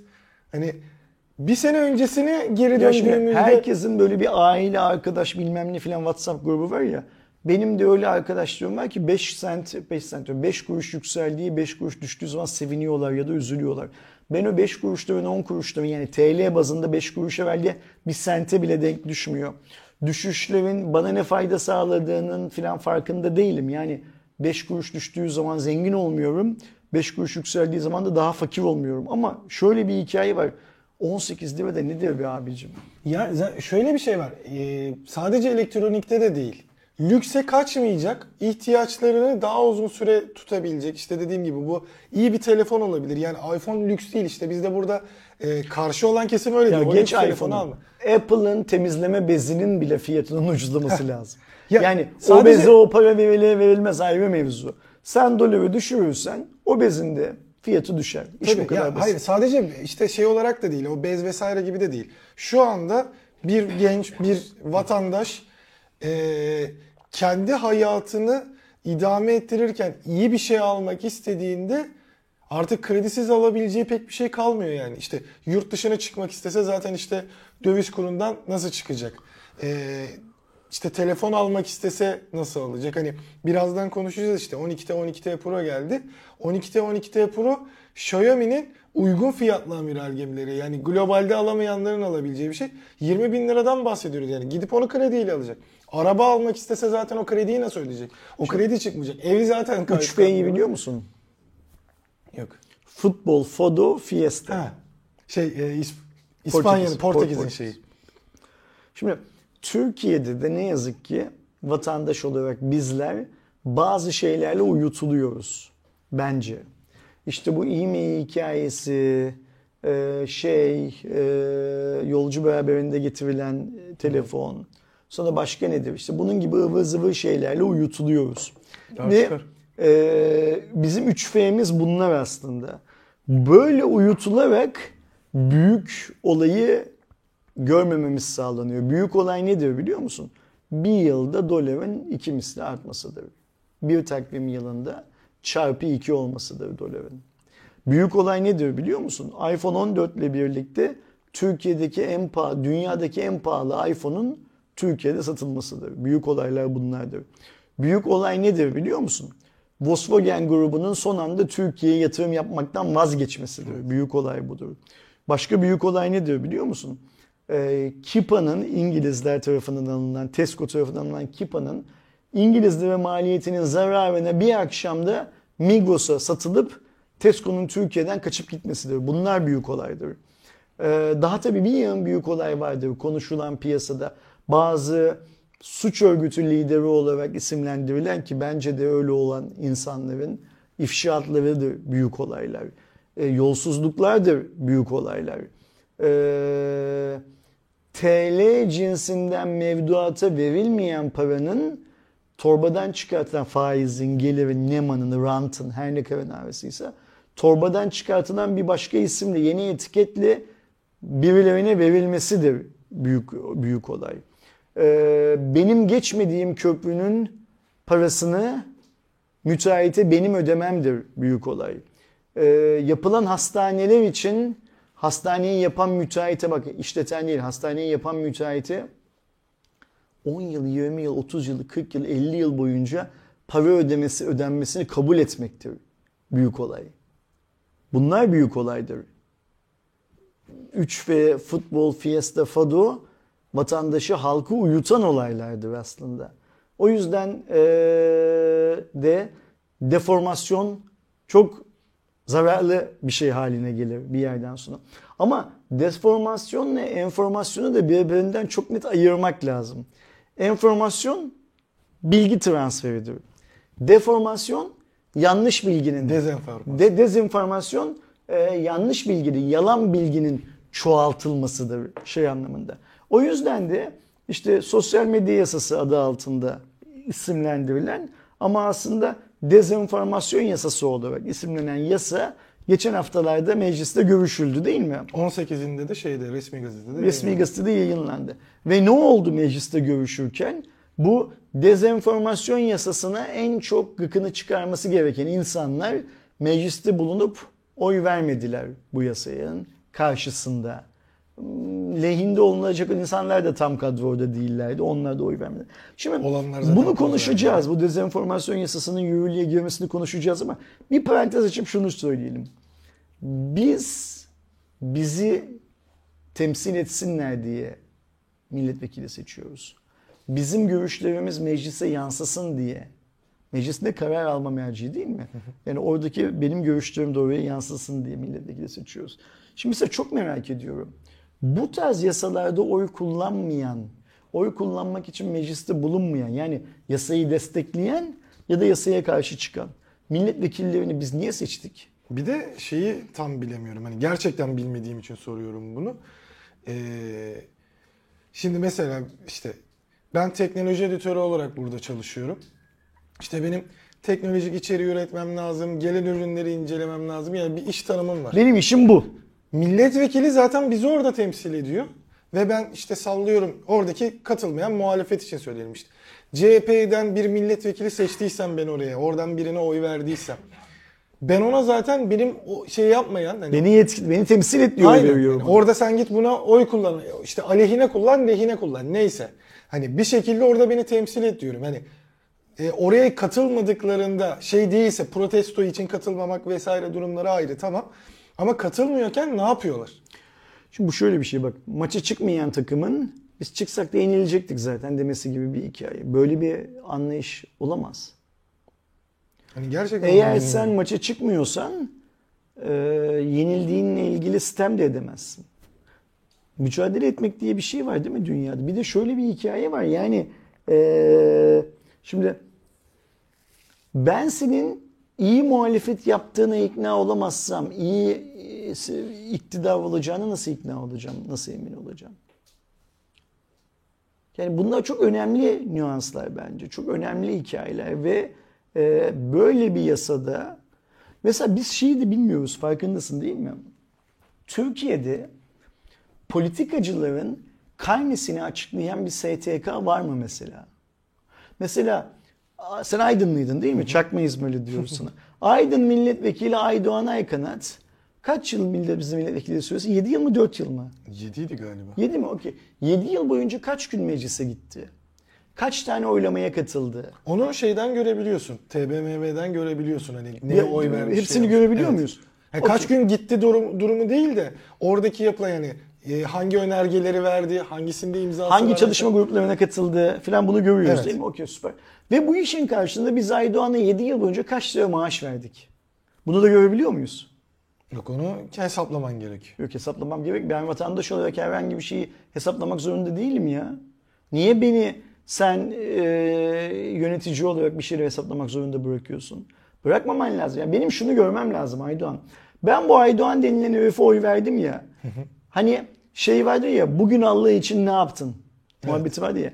Aydoğan 7 yıl boyunca benim için ne yaptığı görmem lazım. Ve şunu bilmem lazım. Mesela ben Aydoğan'a 7 yılda 7 lira maaş vermiş olayım. Öyle ya milletvekilliği Türkiye'de Hilal Ahmer niyetine yapılan bir şey değil. Be- Gayet de iyi geliri olan bir meslek en nihayetinde. Aydoğan bir kere oy kullandıysa Aydoğan'ın kullandığı bir oyun bana maliyeti 7 lira demektir Aydoğan. Doğru. Ömrü hayatı boyunca. Aydoğan 7 oy kullandıysa Aydoğan'ın kullandığı her bir oyun bana maliyeti 1 lira demektir. Benim vatandaş olarak bunları görmem gerekiyor. Bunları bilmem gerekiyor. Ki bir sonraki seçimde Aydoğan'a oy verecek miyim, vermeyecek miyim bunu anlayabilirim. Ee, şimdi mesela direkt kontrol ettim nelere bakabildiğimize dair. İşte neymiş? 27. dönem İstanbul e, milletvekili, AK Parti'den milletvekili olan Akif Çağatay Kılıç e, varmış.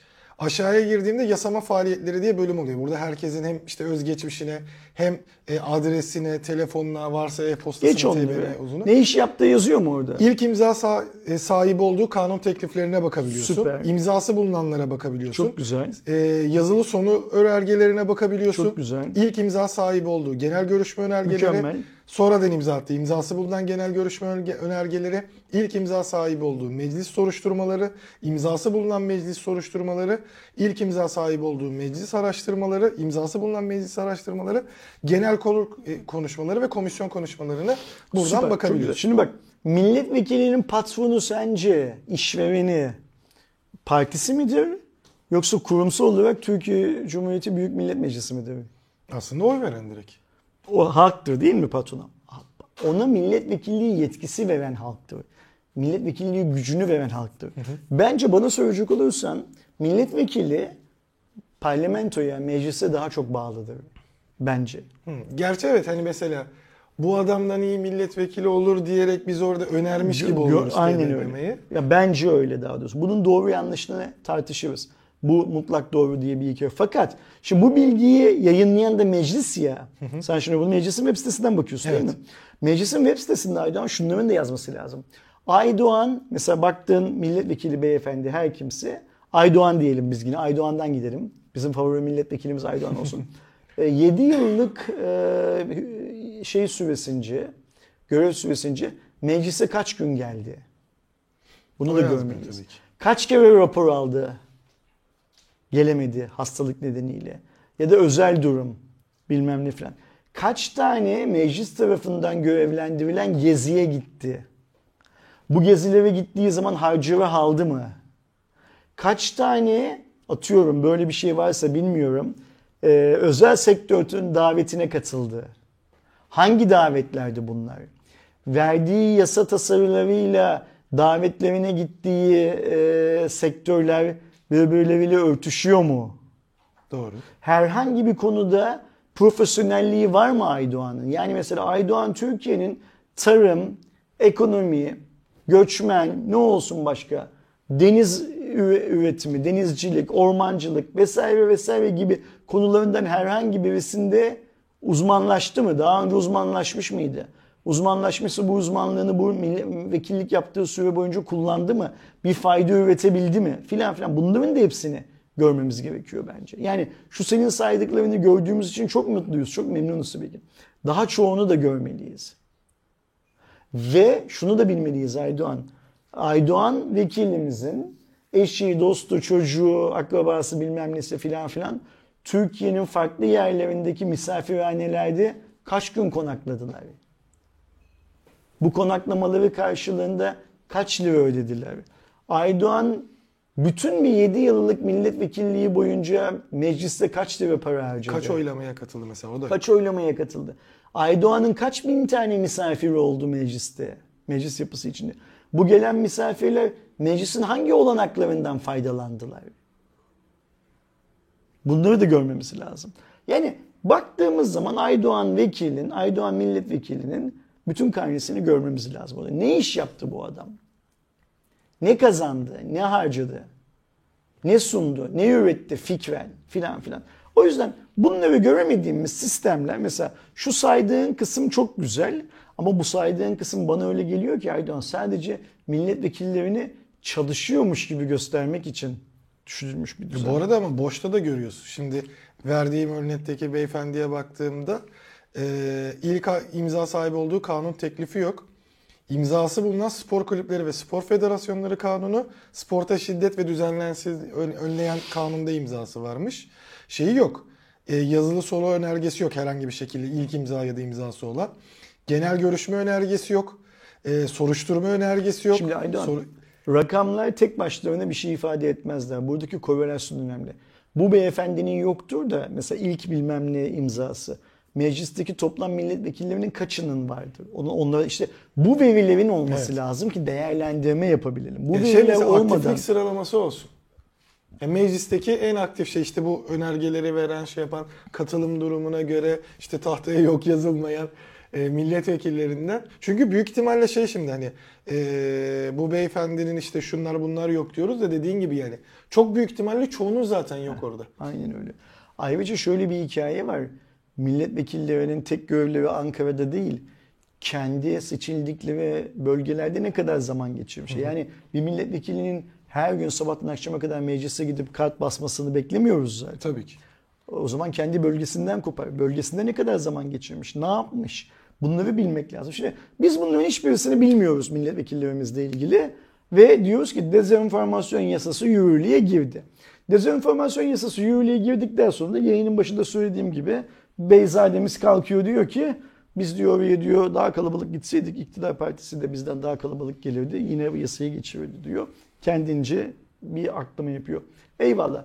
Bizim şu ana kadar konuştuğumuz her şeyde belki bu dezenformasyon yasasına göre yasak olabilir. Zaten tam ona diyerek bağlayacaktım. Şimdi dezenformasyon yasası yürürlüğe girdi. Sen bize haberi anlat. Şimdi 18 Ekim 2022 Salı itibariyle resmi gazetede yayınlandı. Kabul tarihi de 13 Ekim olarak görünüyor. Tabii ki burada birçok noktada var. Özellikle işte basın kartıyla alakalı vesaire. Orada mesela bizim gibi yayıncılara da basın kartı yetkisi verilmiş anladığım kadarıyla internet Geçiniz. yayıncılığı yapan vesaire. Ama bizim bu dezenformasyon dediğimiz ya da işte sosyal medya yasası dediğimiz, sansür yasası dediğimiz kısım halka yanıltıcı bilgiyi alenen yayma e, kısmı. Bu da e, 26 Eylül 2004 tarihli 5237 sayılı TCK yani Türk Ceza Kanunu'nun 217. maddesinden sonra gelmek üzere bu madde ekleniyor. Madde 217A e, 1. Sırf halk arasında endişe, korku ve panik yaratmak sahikiyle ülkenin iç ve dış güvenliği, kamu düzeni ve genel sağlığı ile ilgili gerekçe, gerçeğe aykırı bir bilgiyi, kamu barışını bozmaya elverişli şekilde alenen yayan kimse bir yıldan 3 yıla kadar hapis cezasıyla cezalandırılır. Buna itirazın var mı? Yok. Benim de yok. 2. Fail suçu gerçek kimliğini gizleyerek veya bir örgütün faaliyeti çerçevesinde işlemesi halinde birinci fıkraya göre verilen ceza yarı oranında artırılır. Buna itirazın var mı? Yok. Benim de yok buna, buna itirazım. Asıl durum burada. Şimdi e, bunu sosyal medyaya uyarladığımızda bir, sen kendi işte benim mesela Aydoğan Aykanat bütün sosyal medya hesaplarım.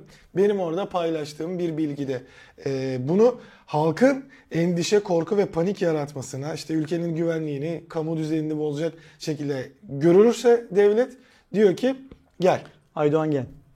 Eğer ben bunu e, Excalibur alt 09 diye paylaşırsam çarpı Bu ek, Excalibur alt ve 09 bilmem ne filan diyen bu Aydoğan puştuyormuş. Bunu getirin. Bir de daha fazla ceza verin Evet, diyor bu yarı mi? cezada çarpı 0.5 yapıyorlar yani. Bir buçuk yapıyorlar. Yani. Bir buçuk yapıyorlar gerçekten. Buna itirazın var mı? Aslında yok. Bence de yok. Şimdi burada önemli olan şey şu Aydoğan. Biraz önce bu iyi mi iyi filan hikayesinde de konuştuk ya. Uygulaması nasıl olacak? Bir de doğruluğu nasıl? Yani dediğim gibi ben e, yine Eren'le bunun muhabbetini yaptığımızda, bunu arkadaşlara duyurduğumuzda e, bizim evin işte yakınında olan Fikirtepe'deki şu patlama, yangın çıktı sonra patlama olduğu ortaya çıktı. O gün İstanbul valisi dedi ki e, doğalgazdan kaynaklanıyor. Ee, İstanbul Büyükşehir Belediye Başkanı dedi ki e, doğalgaz değil araştırma yapıyoruz. İGDAŞ dedi ki doğalgaz bağlantısı yok sonra bomba oldu ortaya çıktı. Bomba yapmaya çalıştı ya da o bombayı patlattı.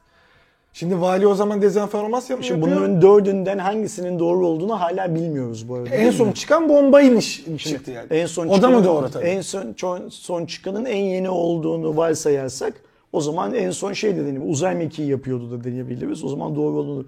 Burada önemli olan şey trans, e, şeffaflık.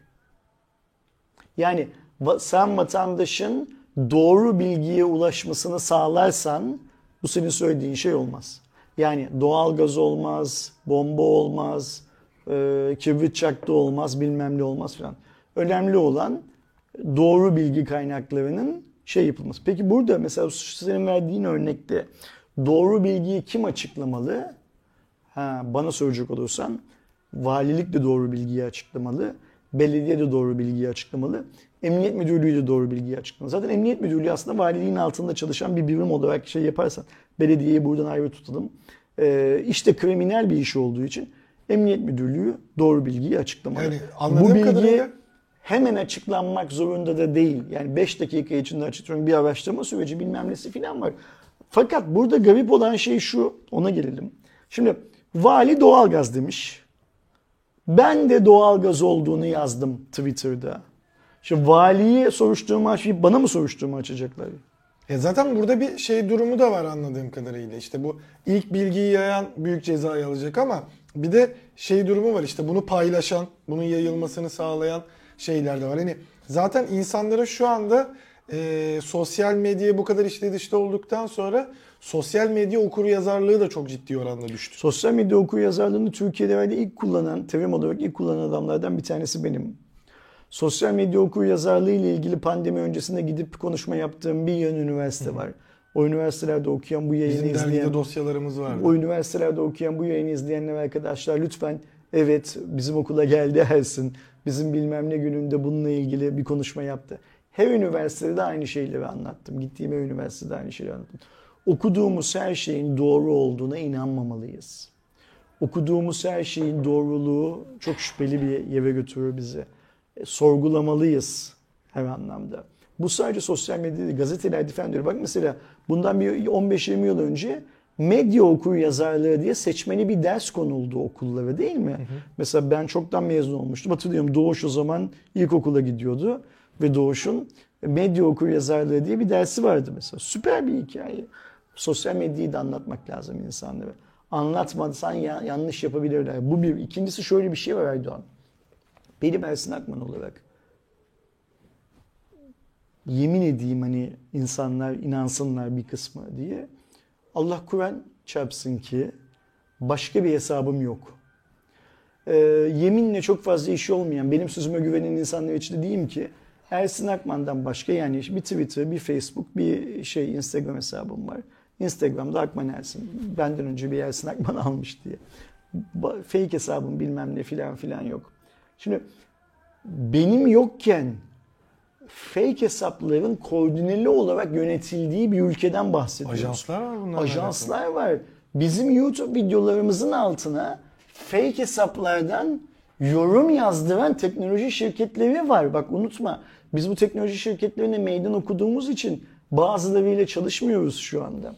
Sahte işler yaptıklarını yüzlerine karşı söylediğimiz için bizi mahkemeye veren, savcılığa suç duyurusunda bulunan şirketler oldu geçmişte. Değil mi? Şimdi yine aynı şey. Bir bataklık var. Sen bu bataklık bataklığı nasıl kurutacağınla şey yapmıyorsun, ilgilenmiyorsun. Sivrisinekleri öldürmeye çalışıyoruz sürekli. Ve şöyle iddialar var. Bu iddiaların doğruluğunu, gerçekliğini ben bilemem ama Türkiye'deki bazı siyasilerin sahte hesapları olduğu konuşuluyor. Meclisteki bazı insanların aynı zamanda sahte hesaplar Bazen yönettiği. çıktı Twitter'da İşte hani. onu söylüyorum yani. Yanlışlıkla o hesaptan Aynen tweet öyle. atıyor. O var bir de ayrıca şöyle şeyler var Aydoğan. Ee, mesela biz biliyoruz ki Türkiye'de bir iki tane ajans var. Bu ajans bu dezenformasyon konusunda istediği şeyi trend topik yaptırabiliyor anında O mesela. zaman çok rahat Ve bu ajansın bazı siyasi partilerle, bazı siyasi kişilerle, bazı teknoloji şirketleriyle falan çalıştığı söyleniyor.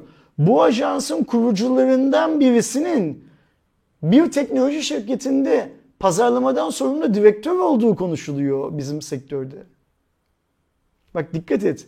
Geçmişte ve halen e, troll denilen hesaplarla Türkiye'deki sosyal medyanın gündemini değiştiren bir ajansın kurucusu ve ortağı olan bir beyefendinin bir yerli markamızın pazarlama direktörü olduğu konuşuluyor Türkiye'de.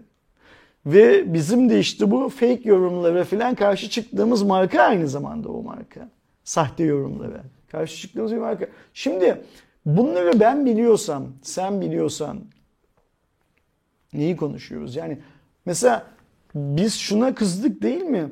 Twitter kalktı, troll oldu ya sahte olduğu belli olan bilmem kaç bin tane hesabı anında sildi. Hemen ne oldu biliyor musun? Bir kısım çevreler bu dediler Türkiye'nin özgürlük mücadelesine muha- şeydir, müdahaledir. Adam aynı aktiviteyi paylaştığı, fark ettiği her ülkede silmiş bu hesapları. Ama mesela hemen Türkiye'de ne oldu? Türkiye'nin özgürlüğüne, bağımsızlığına müdahaledir. Şu Türkiye'nin bence özgürlük ve bağımsızlığı 3 tane 5 tane sahte hesaba bağlı olmamalı. Bu bir de- sahte hesapların benim işime gelen ya da benim karşısında durduğum şeyleri yazmaları, söylemeleri de bir şey ifade etmiyor. Sen Türk insanına o kadar iyi eğitim vereceksin ki bu insan neyin gerçek, neyin sahte olduğunu kendisi bilecek.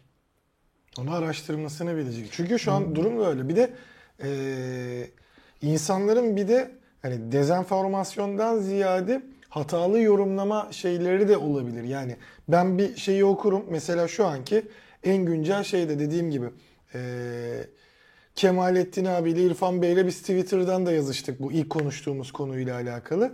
Benim anladığım diyorum ki işte şey yapacaklar büyük ihtimalle. Ee, pasaport kontrolünün hemen ardında gümrük muhafaza olacak. Orada da hemen hızlıca emniyet kontrolü yapılacak diyorum. E, bambaşka şekilde de olabilir. İşte dediğin gibi uygulanmaya da bilir, şey de olabilir. Ben şimdi o zaman halka endişe ve korku, panik yaratacak bak, şey mi? Biraz önce dedik. oluyor. Hükmedenler, hükümdarlar, yöneticiler halklarını korumak zorundalar dedik ya.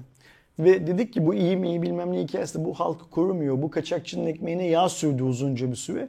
Bu sü- süreden sonra da uğraşılacak mı, ilgilenecek mi? Kaçakçı bu işten nemalanmaya devam edecek mi, etmeyecek mi? Ayrı mevzu. Bu da öyle bir şey. Bu da halkı korumuyor. Yani bir yapı var.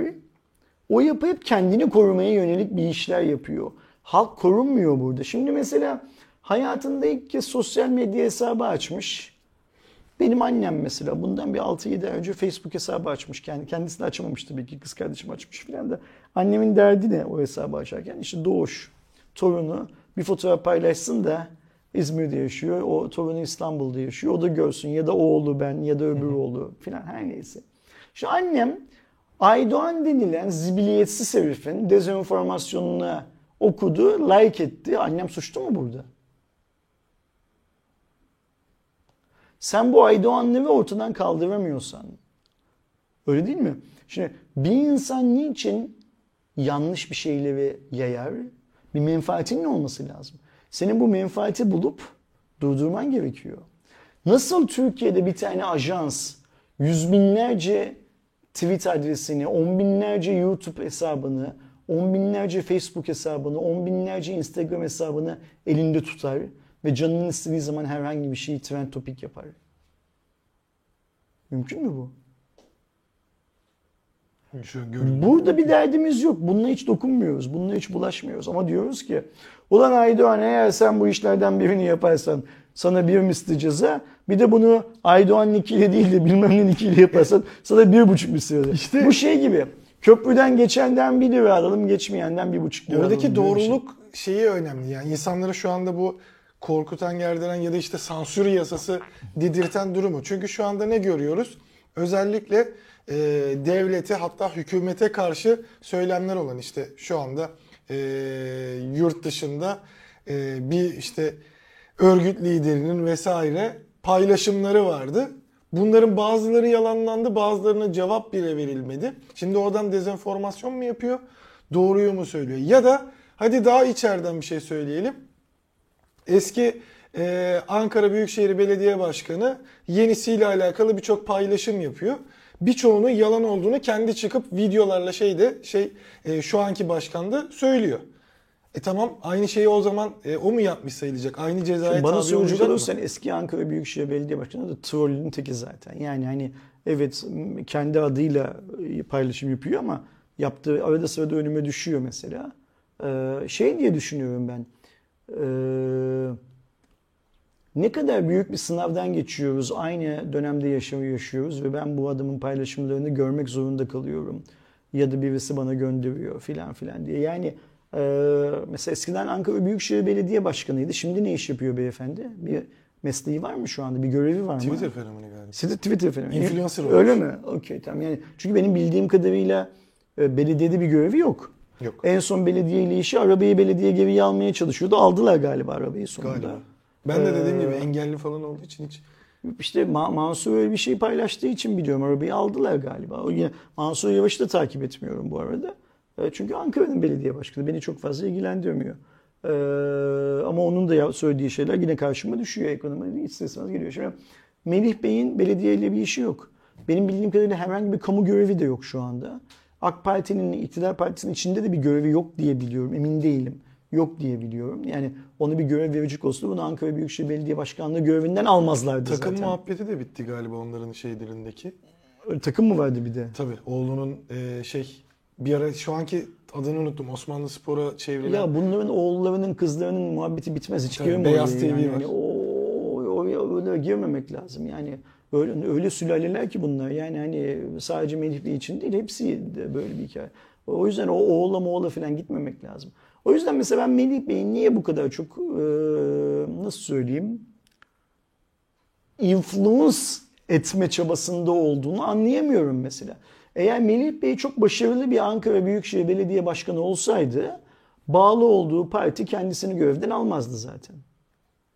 Ha bağlı olduğu parti yanlış yaptı o zaman öyle yaptığını düşünüyorsa kendisi o zaman tekrar aday olurdu. Bağımsız aday filan filan.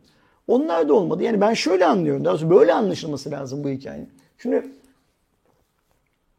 adam Ankara Büyükşehir Belediye Başkanıydı. Demek ki yaptığı işlerden ne vatandaş ne partisi memnun değildi ki partisi görevden aldı. Vatandaş da ondan sonra başka bir partiyi seçti. Değil mi?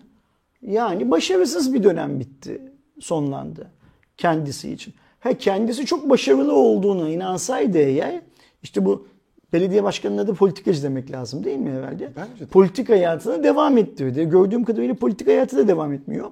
Ama Melih Bey her konuda herkesi suçluyor mesela gördüğüm kadarıyla. İşte bunların nasıl bir değerlendirmesi Ha olacak? şimdi bak yine en başına uygulama nasıl olacak? Şimdi mesela ben şey hatırlıyorum. Melih Bey ile bir başka siyasetçinin birbirlerini FETÖ üyesi olmakla suçladıklarını falan hatırlıyorum. İkisi de birisi Ankara Büyükşehir Belediye Başkanı öbürü de bir şeyken galiba. Öyle bir muhabbet vardı. Mesela savcılar burada topa girdiler mi? Girmediler. Şimdi Melih Bey diyecek ki atıyorum Aydoğan FETÖ'cü. Benim annem Melih Bey'in tweetini retweet edecek. Benim annem yargılanacak öyle mi? Yani bu yasa kapsamında. Böyle hikayeler mi göreceğiz biz? Ya da bunların kapısı mı açılıyor? şey mi beklenecek Yani ya da benim da- mesela FETÖ'cü olup olmadığım mı? Mesela ben olmadığımı şey yaparsam da o zaman mı şey Da- olacak? daha mantıksız neyle uğraşabiliriz biz? Bir de bununla uğraşmıştı. Biraz önce dedik ki şimdi e-mail ile bilmem neyle uğraşıyoruz. Daha mantıksız ne var? Bunlarla da uğraşalım. Ve bunlarla uğraşırken yine şeye dönelim. Futbola, Fiesta'ya, Fado'ya dönelim. Yine o biraz önce saydığımız ya bu adam niye asgari ücretiyle telefonu bırak hayatını geçindiremiyor, evi kirası ödemiyor, ödeyemiyor. Ya bir yıl içinde bu dolar nasıl 7 liralardan bilmem kaç liralara geldi lira falan konuşmayalım. Şeyi konuşalım. Ee, Melih öyle yaptı, Jahreyn böyle yaptı, bilmem ne onu yaptı filan filan. Bak seversin ya da sevmezsin bir kız var Hürriyet'te köşe yazıyordu. Bu ilk influencerlardan Pınar. Benim Pınar olarak tanıdığım Niki. Hatırlayamadım şu an ya. Uyuşturucu özendiriyor diye evinden aldılar kızı ya, ya hüküm verdiler bilmem ne yaptılar filan. Ha? Şey, şey. Öyle mi yayındayken mi almışlar? Onu da takip ediyorum. yani şey olmadı. İşte her, her neyse Pınar. Ee, bunlarla uğraşacağız değil mi? Şimdi bir insan uyuşturucuya insanları şey yapıyorsa e, alıştırmak için, ona uyuşturucu satmak için özendiriyorsa bilmem falan bunun tabii ki bir suçu olacak. Ee, bu suçu sadece Aydoğan'a uygulayacağız. Ama mesela Ersin alenen uyuşturucu satıyor. Ersin'e uygulamayacağız. Uygulamada bitiyor her şey. Ve biz bu dezenformasyon yasasını bence kendi aramızda konuşurken bundan sonra sansür yasası olarak isimlendirmeyelim. Dezenformasyon yasası olarak isimlendirelim. Öyle büyüklerimiz öyle isim koymuşlar ya. Biz de öyle değerlendirelim. Bunun nasıl uygulandığını takip edelim Aydoğan. Göreceğiz zaten. Yani mesela atıyorum biz şimdi uygulamayı görmüş ya. Türkiye her anlamda zengin bir ülke. Bunun ilk örneğini de çok yakın zamanda görürüz. O ilk örnekten yola çıkarak şey yapalım. Bak mesela şöyle bir örnek vereyim. Uygulamanın nasıl farklı olduğunu. Samsung Türkiye kalktı beni mahkemeye verdi. Hangi tweetimden dolayı mahkemeye verdi? Twitter'daki en tepede pinlediğim duran tweetim yüzünden mahkemeye verdi. Ve Samsung bu mahkemeyi kaybetti. Samsung üst mahkemeye gitti. Onu da kaybetti filan filan. Artık yani yasal anlamda herhangi bir aksiyon alacak gibi kalmadı. Samsung Türkiye'de çalışan ve mahkemeyi benim kaybettiğimi zanneden insanlar var. İçeride oluşturulan hava böyle. Şey anlamında. Bilinmiyor kaybetti diye. Orada da bazı troller var. İşi yanlış anlıyor. Söylemeye çalıştığım şey Samsung, Samsung falan diye. Şimdi ben demişim ki tweetimde ya demişim Samsung'un bu yaptığı parayla video çekmek, insanlara parayla yalan söyletmek, doğruyu söyleyenlere şantaj yapmak, doğruyu söyleyenlere hakaret etmek. Ne demişlerdi bana? Senin yönettiğin ve çalıştığın tüm yayınlar paçavra bizim gözümüzde demişlerdi değil mi? Filan filan. Bunların hepsi şimdi 15 Temmuz sonrası açıklanan FETÖ yöntemlerini çok benziyor demiştim tweetimde. Samsung da buradan yola çıktı. Onlara FETÖ benzetmesi yaparak ticari anlamda onlarla rekabet ettiğimi iddia ettiler ki benim öyle cep telefonu satışım falan yok. Ayrıca ben cep telefonu satıcı olarak Samsung satmak isterim. Çok satıyor çünkü. Niye az satanı satayım şey olarak. Her neyse işte olay bitti gitti. Şimdi Twitter'a Samsung ve FETÖ yazsın arkadaşlarımız. Benim 7 bin mi 8 bin mi işte o zamanlar bu Twitter'da 4 bin 5 bin takipçim vardı. 200 bin, 1 milyon, 100 bin, 50 bin, 70 bin filan takipçili hesapların Samsung'un FETÖ'cü bir marka olduğunu iddia ettikleri tweetleri var. Nereden yola çıkıyorlar biliyor musun? Samsung telefonlarda klavyede FETÖ yazdığın zaman, Fethullah Güven yazdığın zaman ee, işte usta mı? Hoca efendim. Hoca efendimin öyle otomatik bir çevirme oluyormuş klavyesinde. Mesela buradan yola çıkarak Samsung telefonlarını yakanlar, kıranlar vardı benim mahkemeye delil olarak sunmak istediğim ve avukatımın ya hiç gerek yok bunlara. Yani o zaman araştır, araştırmıştım bunları. Yaptığım tek şey Google'ın, şey Google'ın, Twitter'ın arama çubuğuna Samsung ve FETÖ yazmak oldu. Bu kadar. Yazarlarsa herhalde o tweetler hala duyuyordu. Şimdi Samsung 5000, 6000, 10000 her neyse takipçisi olan Ersin'e ya bu Samsung'un yaptıkları sizce de FETÖ'nün işlevi gibi e, çok koordineli değil mi? Yani yayıncıya para veriyorsun yalan söyletiyorsun. Doğru söyleyen yayıncıyı tehdit ediyorsun. Doğru söyleyen yayıncıyı rekabetli geriye bırakmak için ona cihazı herkesi gönderdiğinden sonra gönderiyorsun. Doğru söyleyen yayıncının patronuna onu şikayet ediyorsun. Bilmem ne yapıyorsun. E FETÖ de böyle şeyler yapmış zaten. İşte bu sayede uçak düşürülmüş, e, harp okullarına insanlar sınav sorularına şey yaparak girmişler bilmem ne filan filan. Çok ince dokunmuş. FETÖ yöntemi gibi değil mi? FETÖvari değil mi? Diyorum ben. Samsung beni dava ediyor. Öbürü diyor ki Samsung FETÖ'cü diyor onu dava etmiyor. Ve o adamın 500 bin takipçisi var. Gerçek bir insan mı, fake bir karakter mi ne olduğunu bilmiyorum. Adam video çekmiş. Ben diyor burada işte Fethullah Gülen yazıyorum diyor. Pardon FETÖ yazıyorum diyor. Hoca efendi diye otomatik olarak çevriliyor diyor klavyesinde Samsung'un. Bu diyor FETÖ diyor. FETÖ'nün işi diyor. FETÖ diyor Samsung'u diyor satın almış diyor. İşte bilmem ne falan bir yeni şeyler Orada söylüyor. o klavyede aslında kendisine göre düzenlendiğini bilmiyor tabii. Neyse geçelim bunu. Samsung bunu görmezden geliyor. Herhalde haberdar değildir değil mi? 5000, 6000 takipçili Ersin'in yazdığından haberdar olup da 500 bin takipçili Ahmet abinin, Mehmet Emin'in yazdığından haberdar değildi. Nedir? Uygulama Aydoğan. Niyet önemli. Bak şimdi ben çok açık yüreklilikle şunu söyleyebilirim ki Samsung'un beni mahkemeye vermesi kötü niyetli bir işlemdi. Samsung'un diğer insanların yaptığını gözden görme, gö- görmezden gelmesi ise iyi niyetli bir şey. Niye iyi niyetli? Çünkü o adamlar hala hazırda hala Samsung müşterisi. Onlarla arayı bozmak istemiyor. Ersinse diyor biz bunu korkuturuz, sindiririz diyor. Gerekiyorsa ağzına bile sıçarız bu herifin diyor. Ne diyordu bana? Seni bu piyasadan sileceğiz diyordu değil mi? Teyze. Sildi mi? Uzaktan silsin. Yani şimdi oradan bir el hareketi izliyor biliyorum. Ay, ayıp olmasın. Ayrıca sırf kendisi izlemiyor. Eşi, dostu, oğlu, çoluğu, çocuğu, kardeşi falan da izliyor. Ee, kısmetse e, devran değiştiği zaman ayrıca şey yapacağız, helalleşeceğiz kendileriyle. Hala benim e, yapılacaklar listemde en üst sıralarda yazıyor. Ama şöyle bir hikaye var. E, uygulama önemli. Sen bunu kötüye de kullanabilirsin, iyiye de kullanabilirsin. Samsung'un yaptığı da böyle bir şeydi. Ersin konusunda kötüye kullandılar ama bu adamlar FETÖ'cü. diyenler konusunda iyiye kullandılar. Bence doğruyu da yaptılar o insanları mahkeme. Çünkü oradaki bir cehaletten ortaya çıkan bir hikaye. Burada da nasıl uygulanacağını göreceğiz. Ve ona göre karar vereceğiz bu hikayenin. Şimdi Samsung kötüye kullandı ne geçti eline? Hiçbir şey geçmedi. Rezil oldu. Sadece Türkiye'de değil bütün dünyadaki Samsung'lara rezil oldu adamlar. Ve bu rezillikleriyle yaşamak zorundalar bu saatten sonra. Yapacak hiçbir şey. Kim yaşayacak? Bence Samsung şirket olarak değil bunu yaşayacak. Bu kararın arkasında duran e, sözüm ona talented yöneticiler, talented personel yaşayacak. Her gittikleri yerde bu onların peşinden gelecek. Bak mesela şimdi Getir'e gitti. Getir de peşinden geliyor. İki gün sonra Barış Bey görevden ayrılacak Samsung'da. Yol verilecek. Onun da peşinden gidecek. Bugüne kadar bir yığın insan da görevden uzaklaştırıldı Samsung. Hepsinin peşinden bir yerlere gidiyor bu. Gidecek de. ilahi adalet zaten böyle bir hikaye. Bunun bir de o taraftaki hesaplaşmasını yapacağız bu insanlarla yeri geldiği zaman. Ayrı mevzu. Buradaki adalet sistemi nasıl e, şey yapıyor? Ben bunun mantıklı bir şekilde yürütüleceğini düşünmek çok isterim. Ya burada zaten sosyal medya e, şeylerini kapatma, o tweet sildirme, işte şey de var çünkü. E, biz tabii ki en önemli işte ya da en ilgilendiren kısmı aldık. Şey yenileniyor.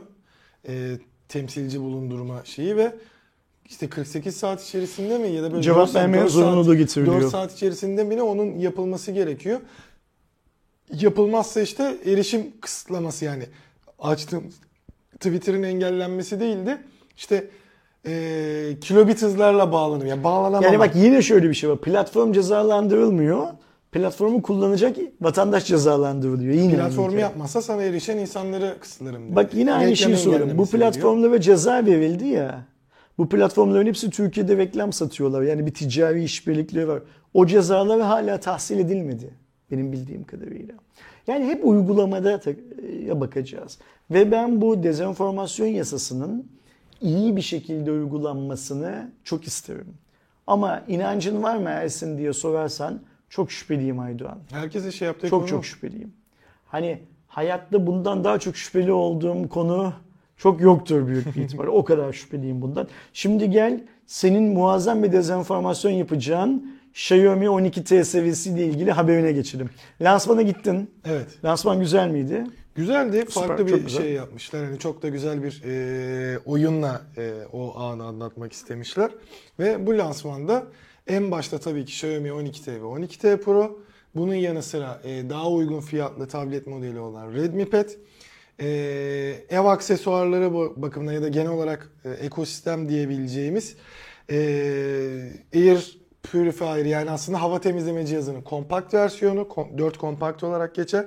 Bir tane akıllı blender ısıtma işlevi de olan daha iyi smoothie yapabilen ve e, hayvan e, sahipleri için de bir adet akıllı mama kabı, bir adet de akıllı su pınarı çıktı. Ama e, en şaşırtıcı noktalardan biri de resmi olarak artık TV satışına da başladı Xiaomi. 65 inçlik bir LED TV'si de Xiaomi Satış- TV işine Türkiye'de ikinci kez giriyor. Daha önce de girdi. Evet ilk Ve denedi. o başarısız oldu. Yani e, çünkü Türkiye'de televizyon satmak o kadar kolay bir iş değil. E, Ben televizyon konusunda yine çok başarılı olacaklarını düşünmüyorum açıkça söylemek gerekirse. Televizyonun iyi ya da kötü olduğu ile ilgili hiçbir fikrim yok. Eğer incelemeye gelirse biz isteriz kendisini. Şey yapalım. Bakalım bir e, görelim ne durumda olduğunu. Ama geri kalan ürünlerin hepsi işte modern teknolojinin parçaları zaten. Bizi daha çok ilgilendirense cep telefonu. Şimdi biz lansmanı yayınlamadık bu sefer kanalda. Yayın- Yayınlamamızın nedenini geçen hafta anlattık zaten. Xiaomi bize dedi ki lansmana 5 kişi gelmeyin. Biz de 5 kişi gitmedik. 2 kişi gittiniz lansmana.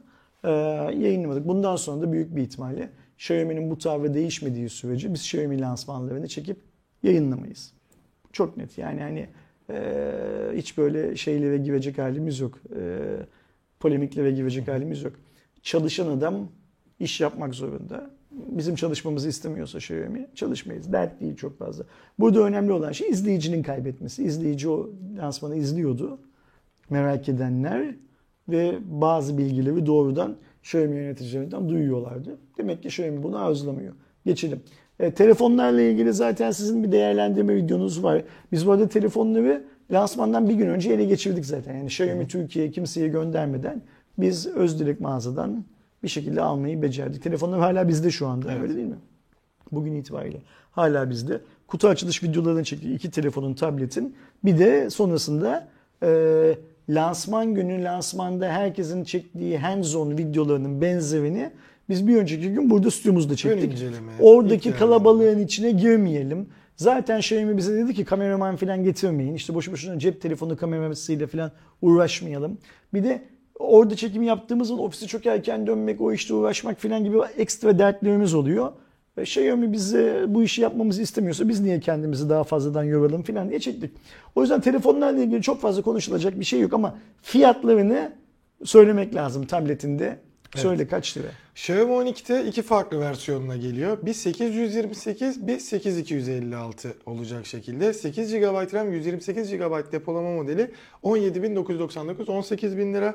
Ee, 256 GB isterseniz 20.000 lira ile Yani artı 128 GB için hiçbir şey değişmeyecek. Sadece artı 128 GB için 2000 lira para ödeyeceksin değil mi? SSD fiyatı. Evet. Yani burada bir şeylik Bu var. saçma Pro bir ise- fiyatlanma. bu, Pro ise fiyatlandırma 23 bu. bin lira fiyatı var. Normalde hani e, Erdem Bey'in de hakkını yemeyeyim. Lansmanda oradan bahsediyor mu diyor da biz hani fotoğraf çektik işte e, fiyatları şu kadarmış falan diye kendi aramızda konuşurken kaçırmış olabilirim. Ben mi.com'a diğerlerinin de fiyatlarına bakayım diye girdiğimde şeyi fark ettim. E, anladığım kadarıyla mi.com'a özel e, mi.com'dan alırsan 12T Pro için 2000 lira e, 12T için 1500 liralık hediye çeki sana tanımlanıyor sonrasında. Güzel. Ve aksesuar alırken işte ekstradan Sadece bir aksesuarda mı geçerli? ev ürünleri falan da dahil. Süper, güzel. Yani mi.com'dan aslında alabileceğin, Yani en o fiyata alabileceğin her telefonla bir geçerli. saat bilmem ne filan gibi bir şey Kılıf alırsın. İşte mesela birazdan söyleyeceğim zaten işte akıllı mama kabı falan filan da alabilirsin sen kendine göre. Ev aksesuarları da dahil. Tablet çok güzel fiyatta gerçekten. Bu arada e, benim açımdan 12T ile 12T Pro'nun fiyatları güzel. Sadece senin dediğin gibi hani o 128-256'nın farkı biraz fazla. Ben aradaki 128 GB için 2000 lira para vermem. Ya Ben şu an mesela baz fiyatlarını düşündüğümüzde ki 12T Pro bu arada 12256 olarak sabit geliyor. Ee, ben 828 ve 12256 olarak düşündüğümde 18000 ve 23000 güzel. Hani güzel demem tabii ki yine pahalı Normal. cihazlar. Aynen. Yani yurt dışı Şu anki fiyatı standartlarda normal. artı vergiler bilmem ne filan filan normal. Ee, Redmi Pad'e geldiğimizde ise ki tasarımı vesaire güzel. İncelemesini e, Eren önümüzdeki hafta sizlere sunacak. 5099 lira yani 5100 lira ve 5300 lira. Burada hem RAM hem depolama değişiyor. Güzel. Bu çok güzel fiyat gerçekten. Şu andaki e, uygun fiyatlı işe yarar tablet pek kalmamıştı piyasada. Yani işe yararlarının Her geçen fiyatları gün bizim de tablete olan ihtiyacımız azaldığı için ben, ben- benim açımdan Gerçi çok o da fazla var, bir şey ifade etmiyor.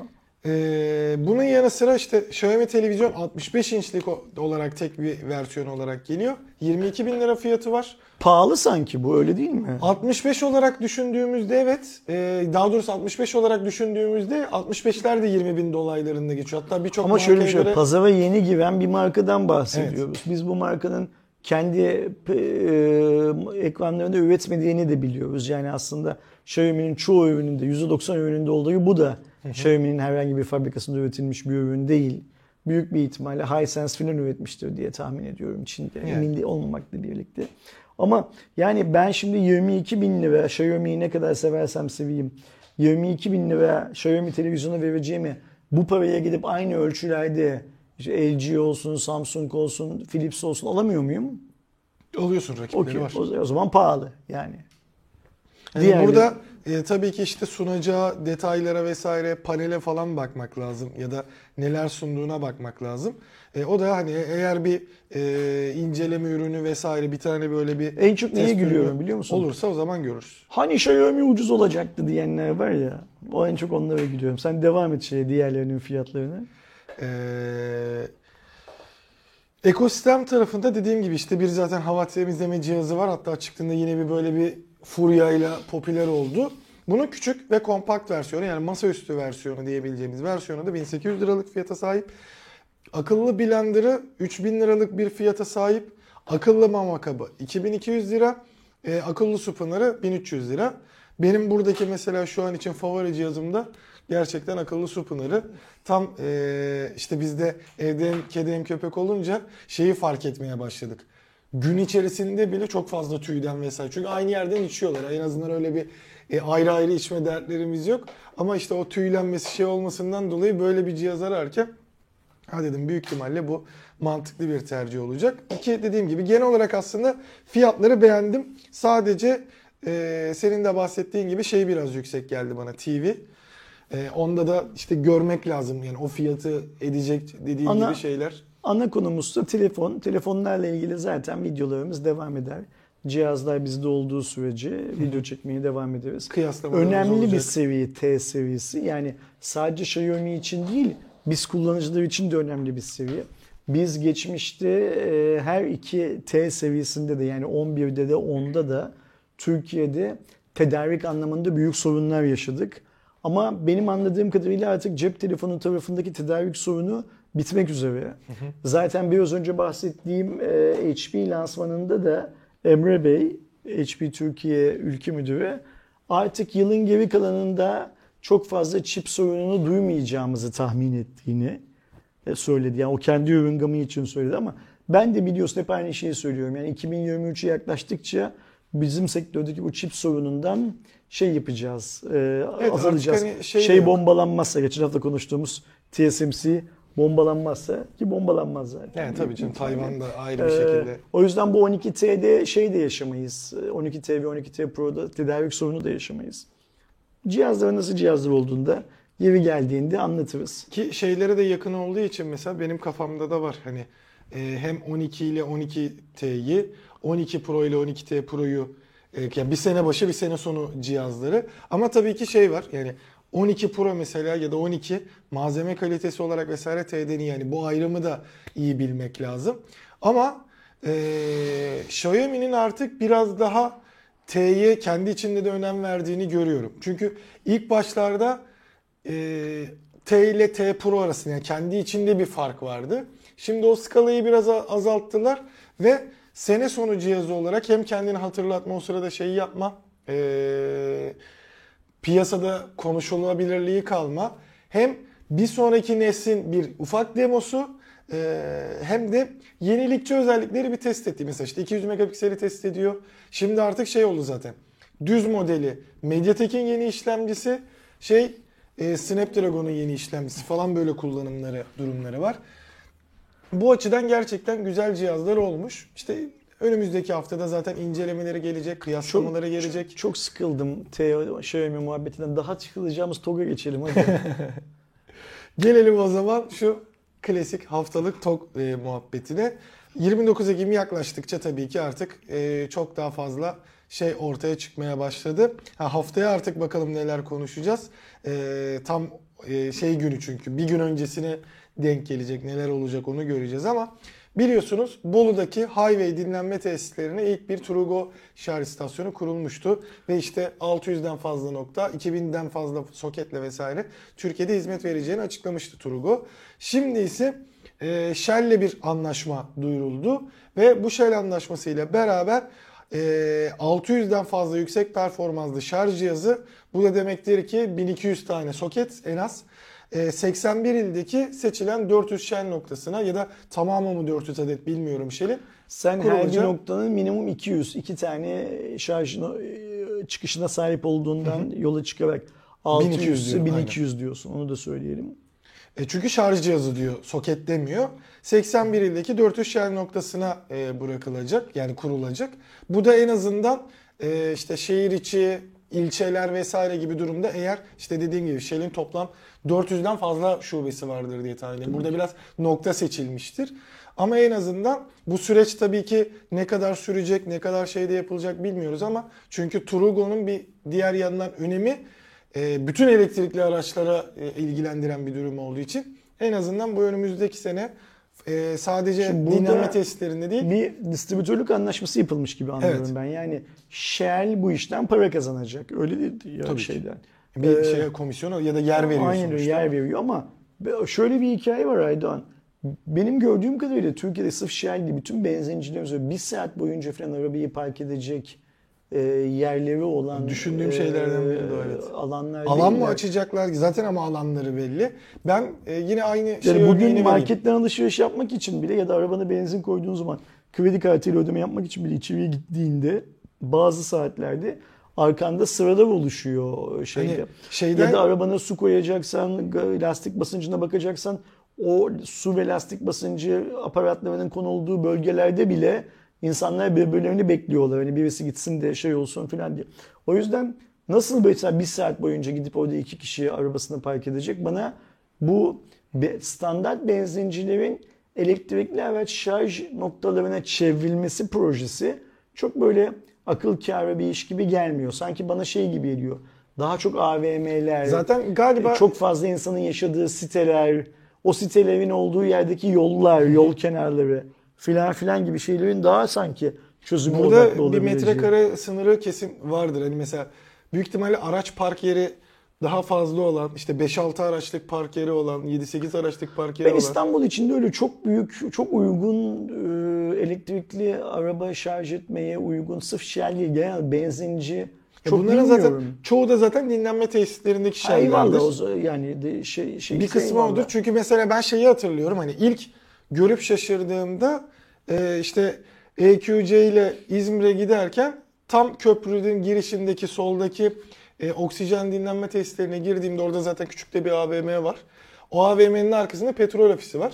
Petrol ofisinin arkasında bir araç yıkama. Onun çaprazında petrol ofisinin kendi AC şarj ünitesi vardı. Galiba 4 araçlıktı. Hani öyle yerleri olan yerler olabilir. Çünkü gerçekten mesela e, işte bizim şu Kavacık'taki Shell'de mesela nerede tutacak o arabayı? İşte öyle yerlerde zaten olmak zorunda yani şehirler arası yollarda. Benim bu hikayede yine kafama takıldığım bazı noktalar var. Birincisi TOG'un yaptığı açıklamada işte bu 400 tane Shell noktasının hangileri olduğu yok benim gördüğüm kadarıyla. Bunun artık bir gizli olmaması lazım. Açıkla yani hep en başından beri açıkla açıkla diyoruz ya TOG'la ilgili şeyler. İkincisi e, Shell'le anlaştık demek yerine Shell'e distribütörlük verdik de. Bu Öyle arada- ya bu Turugo'nun yani bir TOK şirketi olan Turugo'nun para kazanmak gibi de bir hedefi var. O yüzden Tabii de ki. sadece TOK şarj etmeyecek. Diğerlerini de şarj edecek. Mesela açık açık şunları söyle. Biz şu şu şu şenlere koyacağız da bu yüksek hızlı, yüksek performanslı şarj Zaten 400 noktasına. noktaysa o 400 nokta belli. Aynen öyle. Ve oralarda TOG olmayan araçlar da otomobillerini pa- Şeyi şey yapacaklar. bırakıyor olabilirler belki. Yani 29 Ekim'deki işte Gemlik tesisi açılışında Abicim- şu an üretim başlıyor. İşte haritada şu kadar noktada orada en azından İyi tamam böyle birkaç tanesi. her şey bir şeye bırakılıyor zaten. Proje ilk başladığı günden beri adı adı bile açıklanmadı bu projenin ilk başta. E Düşünsene model TOG'ken şirketin adı da TOG oldu. Öyle değil mi? Şu an model adı yok mesela. Yok yok. Arabanın adı TOG olacak diye şirketin adı da TOG olmasına Evet. karar verildi sonra. Yani bu proje en başından beri böyle bir e, hesapta yerli ve milli, hesapta bu projeye en büyük katkıyı sen ben yani Türkiye Cumhuriyeti Devleti senden benden aldığı vergilerle ya da senin benim payım olan arazilerle veriyoruz. Ama her şey geriye bırakılıyor. Şimdi mesela e, benzin istasyonu olarak niye Shell seçildi? Öyle ya Shell'in rakipleri de var bu ülkede. Niye o Yerliler seçildi? var. Yerliler var, yabancılar Türkiye var. petrolleri var. Ayrıca Türkiye'de Shell'e gelinceye kadar Migros'tu, Carrefour'du gibi bu işle ortaklık yapmak için daha Ve uygun direkt alanları A- olan. Aynen öyle. Kapalı açık otoparkları olan yerler var. Türkiye'de benim bildiğim kadarıyla Türkiye'nin birçok farklı şehrinde e, operasyon yürüten AVM yönetim şirketleri var. İşte Türkiye'nin birçok farklı şehrinde inşaat yapan, konut yapan Ağoğlu bilmem ne filan gibi halihazırda otoparkı olan, otopark yapan adamlar var. Şimdi bunların park slot sayılarına baktığımız zaman Shell'e bir günde giren çıkan araba sayısıyla bile mücadele edecek, başa çıkacak kadar çok park slotumuz var burada. Ve düşünsene yani mesela bugün bir Migros'a atıyorum ben Migros olsun diye söylemiyorum da Migros'a adam gidiyor bir saat alışveriş yapıyor içeride çıkıyor. E bundan daha uygun bir şarj etme noktası mı var? Bugün. Ağoğlu'nun bir projesine herif giriyor akşam saat 7'de sabah saat 7'ye kadar arabası orada park ediliyor zaten. Yani bu tarz imkanlar varken niye Shell'i seçtik mesela? Şimdi ben mesela Total olsam niye beni seçmediler de derim. Yani. Yani o yüzden Total bir de Demirören'in değil miydi? Bilmiyorum kimin olduğunu. Umurumda da değil kimin olduğu. Yani buradaki kimlerde değilim. Şunu söylemeye çalışıyorum. Ben Shell'e gitmeyen bir adamsam eğer beni Shell'e götürmek yerine Benim gittiğim yerde olmayı tercih etsen, benim evimde olmayı tercih etsen, evimin sokağında olmayı... Mesela İspark'la niye anlaşmıyorsun mesela? İspark'ın şu an İstanbul'da binlerce park slotu var değil mi? Her e, şehirde de belediyenin kendi Ha, parkı. aynen Orada öyle İspark yani. değil başka bir şey diye geçiyor tabii. Ha şunu da söyle mesela arkadaşım ya işte e, İmamoğlu seçilmeseydi, AK Partili bir belediye başkanı seçilseydi planlarımızın arasında İspark'la anlaşmak da vardı. Yani neden buysa Ya- bunu da söyle. Yani peyderpeyde mi açıklanacak onu da bilmiyorum hani onun şimdi için diye. peyderpeyde Mesela tabii şey ki- çok mantıklı. De ki e, en azından galiba TAV yerli firma değil mi havalimanlarındaki? Bütün TAV havalimanlarında e, Trugo'nun bulunacağı şeyler olacak, slotlar şimdi olacak. Bu sofrada da Cengiz var. Olmaz Tamam hayır zaten o limanın da olduğu işte Cengiz'in de oldukları olsun yani Şimdi hepsinde. Burada önemli olan şey şu. Türkiye'deki havalimanlarının niye hepsinde. Shell'le yaptık diye açıyoruz. Shell'le ve İBB ile de. Shell'le ve bilmem neyle de. Yani çok garip böyle her şey bir sanki hep söylüyorum ya kervanı hep yolda düzmekten yanalar Ya, ya da bunların hepsi belli. İşte dediğim gibi o güncelliği korumak için işte bu hafta şununla şunu anlaşmayı açıklayacağız. Buna bunu ki Arkadaşım olmaz biz- öyle şey. Belli kime belli? Sadece bu şirkette çalışanların belli. Müşteri ben miyim? Bana da belli olacak o zaman. Ve biz bu belli olma yani e, şeffaflık konusunda TOG'da çok sınıfta kalıyoruz. TOG en başından beri şeffaf değil. Hadi şey desen zorlu AVM'ye koydum desen anlayacağım. En azından ortaklardan birisi Vestel. Ona hiçbir şey yok. Mantıksız işler yapılıyor. Bilmiyorum. Ayrıca bak 400 tane Shell noktasına koyuyorlar ve hala yine fiyat yok. Senin bu bahsettiğin highway dinlenmede Bolu'daki yadı yapılıyor ve anladığımız kadarıyla 29 Ekim'e de yetiştiriyorlar onu. Hizmeti de açacaklar. En azından o bölgede yaşayan arkadaşlardan öyle bilgiler alıyoruz. Hala fiyat yok. Desene mesela benim fiyatım şu olacak bir bilelim. Neydi diğer şirket, iki şirketin adı? E, şarj ve ZES. E-şarj ve ZES'ten daha mı ucuzsun? Aynı fiyat mısın? Aynı fiyatsın daha mı hızlısın? zaten? Bir Aynı var. fiyatsın daha mı hızlısın? Bilmem ne falan. Ya da mesela şunu biliyor muyuz biz? Fiyatın ne olduğunu bilmiyoruz da bu işten Shell'in ne para kazanacağını da bilmiyoruz. Yani Shell mesela e, alan kirası parası mı alacak? O da Kilowatt başına mı para alacak? Bence ikisini de alacaktır. Büyük ihtimal. Böyle gizli kapaklı arada, işler e, yapmaya bayılıyoruz. Bizim yayının başlarında da daha bu habere gelmeden TOK'tan bir paylaşım daha oldu. Orada da Trendyol'la bir e, iş ortaklığı niyet mektubu imzalanmış. elektriği Trendyol marketten de mi alabilecekmişiz? Bu işbirliğinin hayata geçirilmesiyle kapıdan kapıya e-ticaretin yanı sıra kapıdan TOK akıllı cihaza, TOK akıllı cihazdan rota olarak belirlenen adrese gibi seçenekler ortaya çıkacak gibi bir cümle var. Ne demek bu? Ben de onu anlamadım. Kapıdan kapıya e-ticaret.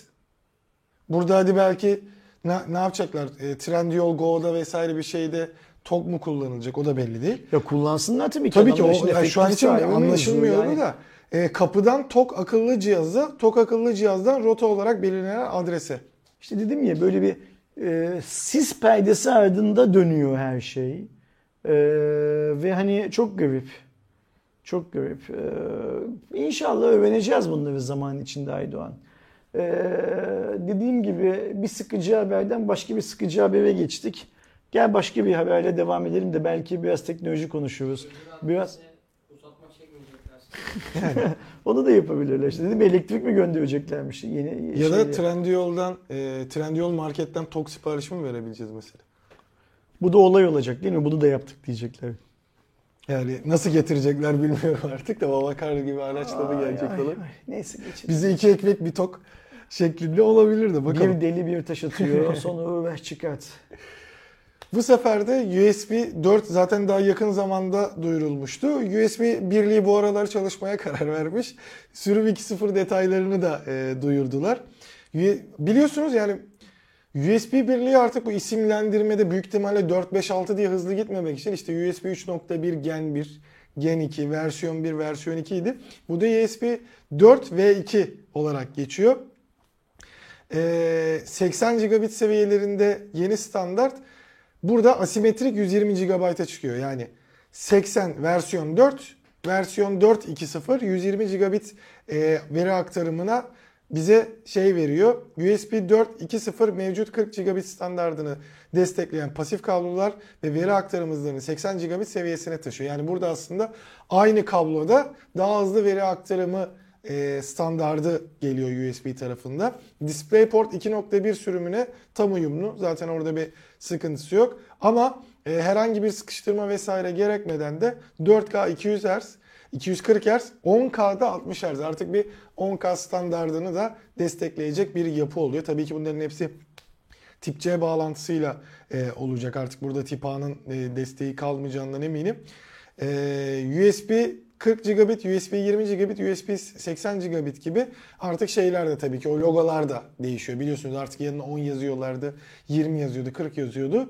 O standardın takıldığı portun ya da destekleyen port göstermek için de yeni logolar da sunulmuş oldu. Burada da bir e, hızlanma devam ediyor ama tabii ki bu hemen yarın geçmeyecek. E, USB 4 için galiba e, önümüzdeki yıl söyleniyor. Bu 2024-2025'te görebileceğimiz bir standart olacak. Ama işte 10K destekliyorsa yakın zamanda artık e, televizyon firmalarından 10K televizyon görebiliriz. İşte yeni nesil ekran kartlarında hani bu 4000 serisi ya da 7000 serisinde değil de bir sonrakinde 10K işte işleme desteği falan filan da gelebilir buradan gördüğümüz kadarıyla. Bırak bu işte. Hızlanıyor mu? Hızlanıyor. İyi hızlanıyor mu? 120 gigabit. Okey tamam süper. Bilmemiz gereken şey bu kadar aslında temelde. Fiyatını miyatını zaten ticari ürün haline geldiği zaman duyarız, görürüz, biliriz. Şimdilik şunu bilelim. USB konsorsiyumu daha hızlı bir USB protokolü açıkladı ve gayet de iyi hızlı, da gayet de iyi bir hız açıkladı. Allah razı olsun. Bu kadar. Bilmemiz gereken başka bir şey yok.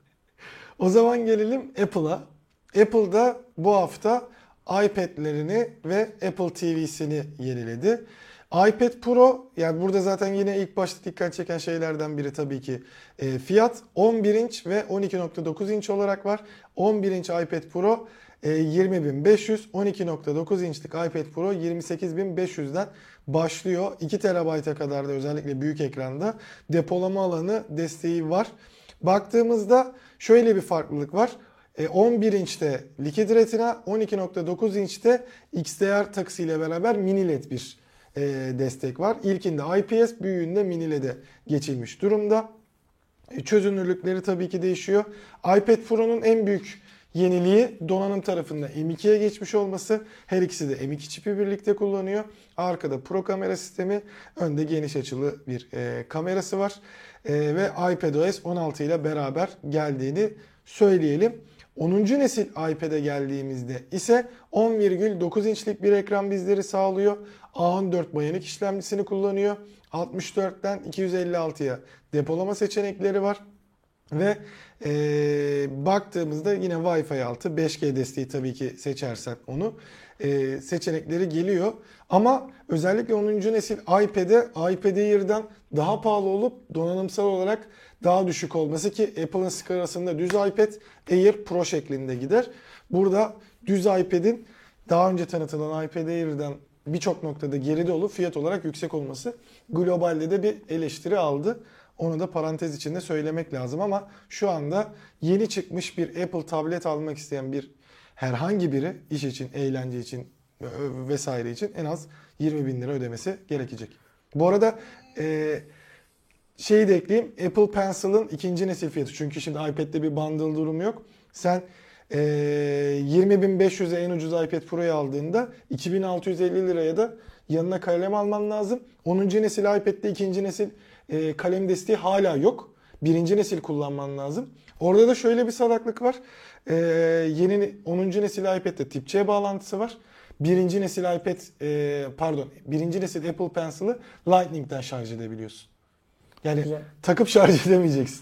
Şimdi Xiaomi tablette söylediğiniz gibi tablet niye hala hayatımızda var?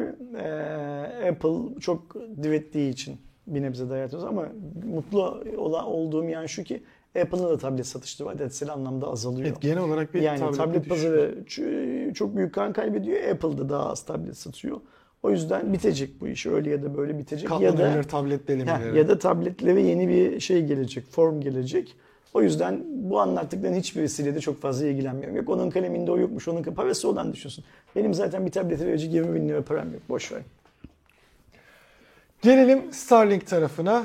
Ee, Starlink ile alakalı da daha önce zaten böyle hani planlar dahilinde ilk Starlink çıktığında aslında bütün dünyaya bir internet sağlamak uydular üzerinden. Ama galiba bir Starlink ile alakalı bir şey konuşurken özellikle işte uçaklar konusunda mantıklı olabileceğinden bahsediyorduk. Onun da e, duyurusu geldi. E, Starlink Aviation yani işte Starlink havacılık olarak adlandırılan yeni hizmetle beraber Aero Terminal ile yani kendi o e, terminali ile donatılmış uçaklarda 350 megabit'e kadar indirme e, ve 20 saniye gibi düşük gecikme süresi sunan bir bağlantıyı bizlere sağlayacak ki e, şöyle bir durum var. Siz işte VIP'de uçun, first class'ta uçun, uçakta bir internete bağlanmak istediğinizde en büyük iki sorununuz var zaten. Biri e, hız, diğeri çok büyük gecikme. E, ben bir kere e, özellikle Amerika'ya giderken denediğimde WhatsApp'tan yazı yazmanın bile ne kadar sürdüğünü fark etmiştim. En azından burada çünkü oradaki sistem aşağıya bağlanmaya çalışıyordu. Şimdi en azından yukarıya bağlanacak olması, hiç arada en azından sinyali engelleyebilecek bir şeyin kalmamış olmasıyla Starlink'in mantıklı bir şekilde her irtifada yayın, görüntü vesaire verebilme hatta oyun oynatabilme gibi şeyleri olacağı söyleniyor. Şu anda yer istasyonlarını kullanan uçaklarda da Virgin e, verdiği detaya göre e, 10 megabit hızlarında geçiyormuş e, ortalama hızı. Uydu seçeneğinde de 300 ila 100 geçerken burada en yüksek hızı bile 3'e katlamış olacak Starlink bu hizmetiyle beraber. Hadi inşallah. E tabii bu neye göre bağlanacak, fiyatları nasıl olacak? İşte yerden alırsam bu kadar, Starlink'ten alırsam bu kadar gibi olacak mı? Ya da işte e, hangi firmalar Starlink'le anlaşıp biz artık bu hizmeti uçaklarımıza sunuyoruz diyecek. Onu ilerleyen günlerde göreceğiz. Ve gelelim haftanın zam haberine. Bu da artık her hafta bir şeyleri bahsediyor olduk. Ama bunu birçok insan fark etti çünkü bir anda YouTube toplu mail atarak e, zam haberini verdi.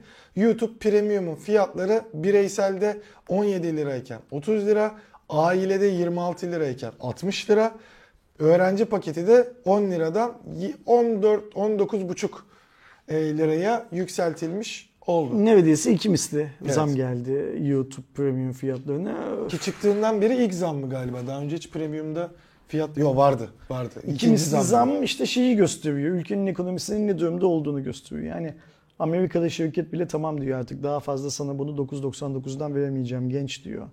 Öğrencisin öğrencisin falan ama ya artık bundan sonra 9.99. y- y- 20 liran da yoksa E, diyor. 50 sente de yapmam ben bu işi. Y- diyor 20 neredeyse. liran da yoksa diyor artık diyor sen premium'a hizmet En azından al- 1 dolar ver beni. Aa, alma diyor yani yani en azından bir, bir dolar ver diyor. Tam Türksün fakirsin de diyor hani sana da bu işi artık 9 lira, liraya da 9.99 10 liraya da verecek halimiz yok yani. Hani bize de bu işin Amazon ne yapacak? bize bize de bu işin bir maliyeti var. Bana gelişi diyor o fiyattan değil diyor. Ya ben şeyi merak ediyorum gerçekten. Yani Amazon'un Amazon Prime Video'nun Türkiye bilançosunu merak ediyorum. duyarız yakında onu da. Orada da oradan da bir zam duyarız. Yani. Gerçi Amazon eee, Full paket veriyor. Aynen öyle. Full paket verdiği için eli biraz daha rahat tabii Ya ki. o farklı şeylerle işlemler kurtarıyor şey onu da.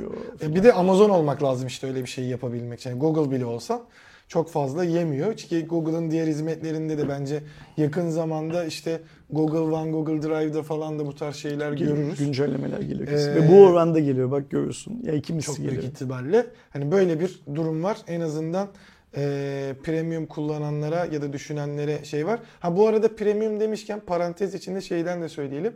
Galiba şu 4K muhabbetinden geri adım atmış premium özel 4K e, seçeneği konusunda. Reklamla alakalı daha bir gelişme yok. Direkt şu anda hala ufak tefek testler e, devam ediyor. Bir de hani buraya dahil etmedim burada bahsederiz diye. Netflix'in şu Reklam e, hikayesi. reklam hikayesi ve hesabı paylaşmama, işte o zaman ekstra ücret ödeme hikayesi. Şili vesaire gibi bir 2-3 ülkede teste başlamış. Orada da tabii ki ülkesine göre farklı dolar seçenekleriyle sen e, bulunduğun bölgeden dışına özellikle uzak bir yerde dışında hesap girişi olursa direkt sana şeyi charge edecekmiş. Aylık ödemede işte ekstra kullanıcı e, ödemesini charge edecekmiş diyelim ve Et- etsin de görsün bakalım neler olacak. Yani direkt farklı farklı şeyler çıkacak. İşte YouTube'da insanlar Vans diyorsa Türkiye'de direkt yine artık IPTV için artı bir sebep bulurlar yani Aynen. kendilerine.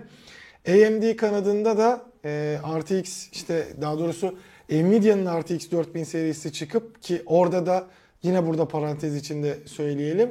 4080'in bir tanesini yok hacı biz burada evet bunu 4070 yaptık ve e, bugünlerde de şey konuşuldu. 4070'in detayları ortaya çıkmaya başladı diye. Ki sen bunu zaten bizim 4000 seviyesini konuştuğumuz yayında söylemiştin. Bu isimlendirme biraz Niye saçma de- aynen olmuş. 4070 dememişler diye De- falan. demiştin. Orada şu an ilk 4080 iptal edildi bu arada.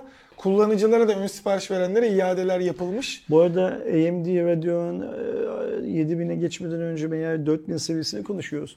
Benim şu anda gördüğüm kadarıyla 4000 seviyesi çok aptalca bir şey oldu. Yani 4000'i seviyesini ürün olarak piyasaya çıkartmak e, Nvidia için çok aptalca bir hamle. Bir son kullanıcısı olarak benim onu alıp kullanmam daha da aptalca bir şey haline geldi. E, bununla ilgili bir video bile çekilir. Ama videoya videoya şey yapmaya gerek yok, işi uzatmaya gerek yok. Niye aptalca? Şöyle aptalca.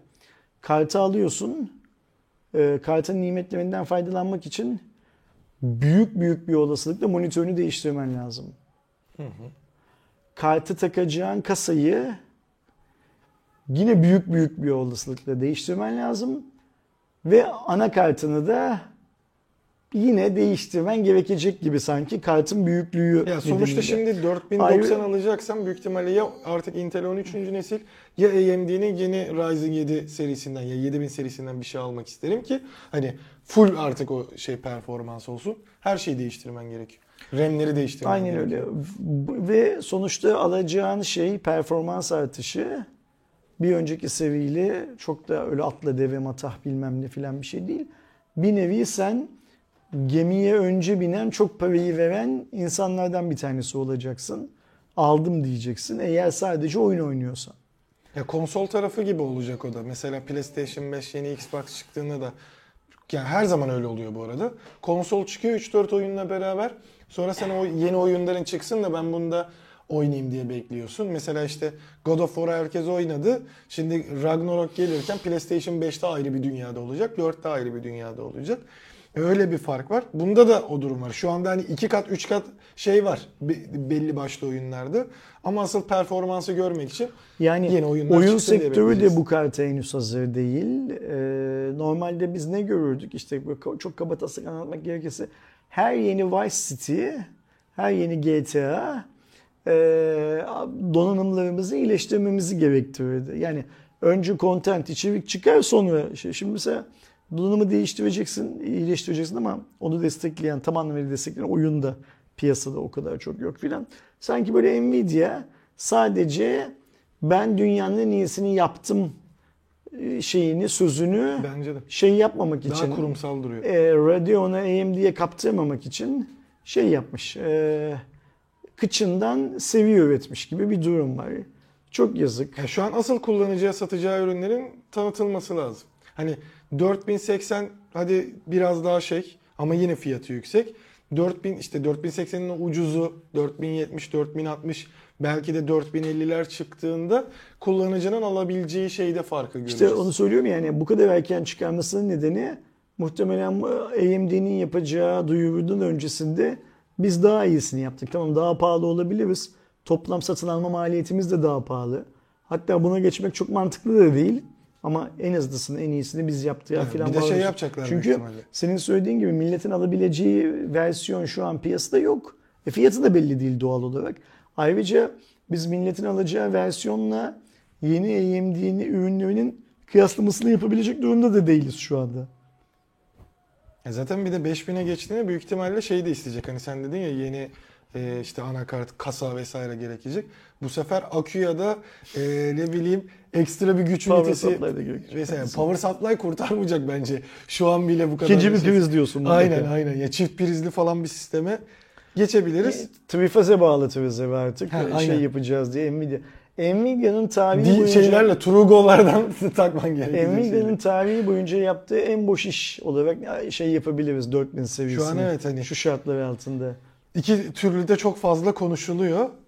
AMD kanadına geldiğimizde RX 7000 serisi gelecek ve Kasım ayında gerçekleştirecek. Hatta tam 3 Kasım'da Türkiye saatiyle e, 11'de ge- gerçekleştirecek et- etkinlikte özellikle RDNA 3'ü göreceğiz ki bununla alakalı ufak tefek şeyler paylaşılmıştı.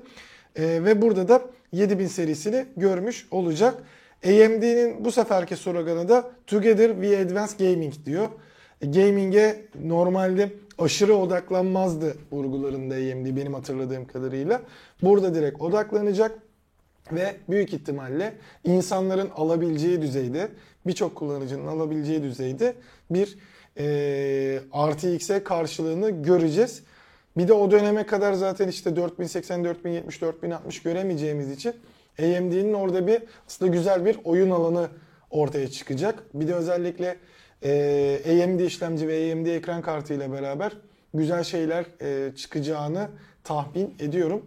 Göreceğiz bakalım. Yani 3 Kasım'da Ben geliyorsa bu e, e, İki Nvidia'nın hafta sonra ne kadar nasıl çuvalladığını daha iyi anlayınca AMD'nin duyuracağı şeyi şey her ne şeyisi onu daha böyle bir şeyle ne derler merakla bekleverle geldim. Allah'tan senin söylediğin gibi 3 Kasım çok da uzak bir 2 şey değil. Hmm. bir buçuk hafta sonra. Ben şahsen AMD'den herhangi bir konuda daha iyisini beklemiyorum. Ama fiyat performans anlamında çok daha makul ve mantıklı bir şeyler Enerji verimliliğinde cevabını önce önümüze koyacaklarını varsayıyorum ya da öyle bir beklentim var onu söyleyeyim şey olarak. Ama dediğimiz gibi hani büyük ihtimalle AMD'nin 4090'la yarışmak, ona rakip bir şey çıkarmakla derdi olmayacak ki e, biz de işte Ersin abiyle bu muhabbeti kendi aramızda yaptığımızda 4090 aslında bir Titan serisi e, ya da Titan serisi ekran kartıydı. Onu işte böyle hani teknolojinin zirve noktası diye kendilerince koydular. E, AMD'yi görelim sonra Nvidia'nın diğer 4000 serilerini görelim ve neler yapıyorlarmış. O zaman net bir şekilde anlayacağız ama sanki bu şey yani 2023 böyle biraz AMD'nin yılı olacakmış gibi ortaya çıkıyor. Bakalım göreceğiz. 229. Cuma raporu. Sanırım bu 02 saate şey yaptık ne derler vurdurduk Net e, hikayeyi. Vurduk mu Evet. Can? Can orada 1.50 mi? Yok. 2 saat olmuş. 2 saat 10 dakika. Okey tamam yani 2 saati vurduk demek ki. Can 10 dakika deseydi 10 dakikada tavla oynayalım bir şey yapalım filan diyecektim. Yani 2 saat olsun bari diye. Önümüzdeki hafta bir sonraki yani 230. Cuma raporunda karşınızdayız. İnşallah bu hmm, ekonomi ekonomi filan gibi konularda konuşarak çok fazla canınızı sıkmamışızdır ama hep söylüyoruz ya Türkiye ben söylüyorum Türkiye'de şu anda herhalde daha sıcak, daha az konuşulan herhangi bir konu yok. Ben ne zaman bunu söylesem Aydoğan da diyor ki abi dur daha doğal gazları açmadık.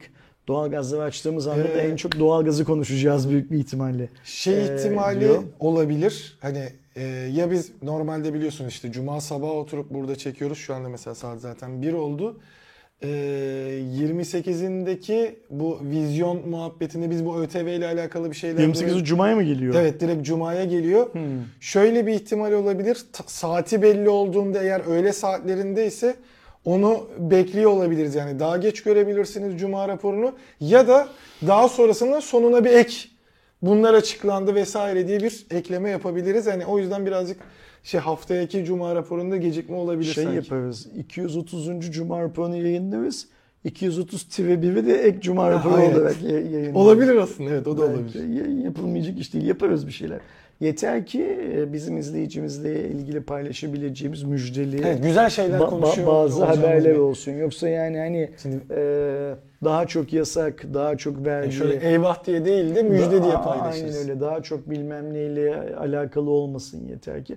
Hatta gerekiyorsa öyle vakitlerinde sonra Cuma raporundan önce bile alabiliriz. Yani yani 229 alt ve versiyon 2 diye de Ha, yayın evet, alabiliriz. olabilir. Cuma raporundan önce. Pre Yeter- 230. Aynen öyle. Ön Pre 230. 230 falan diye de şey yapabiliyoruz. Dert değil.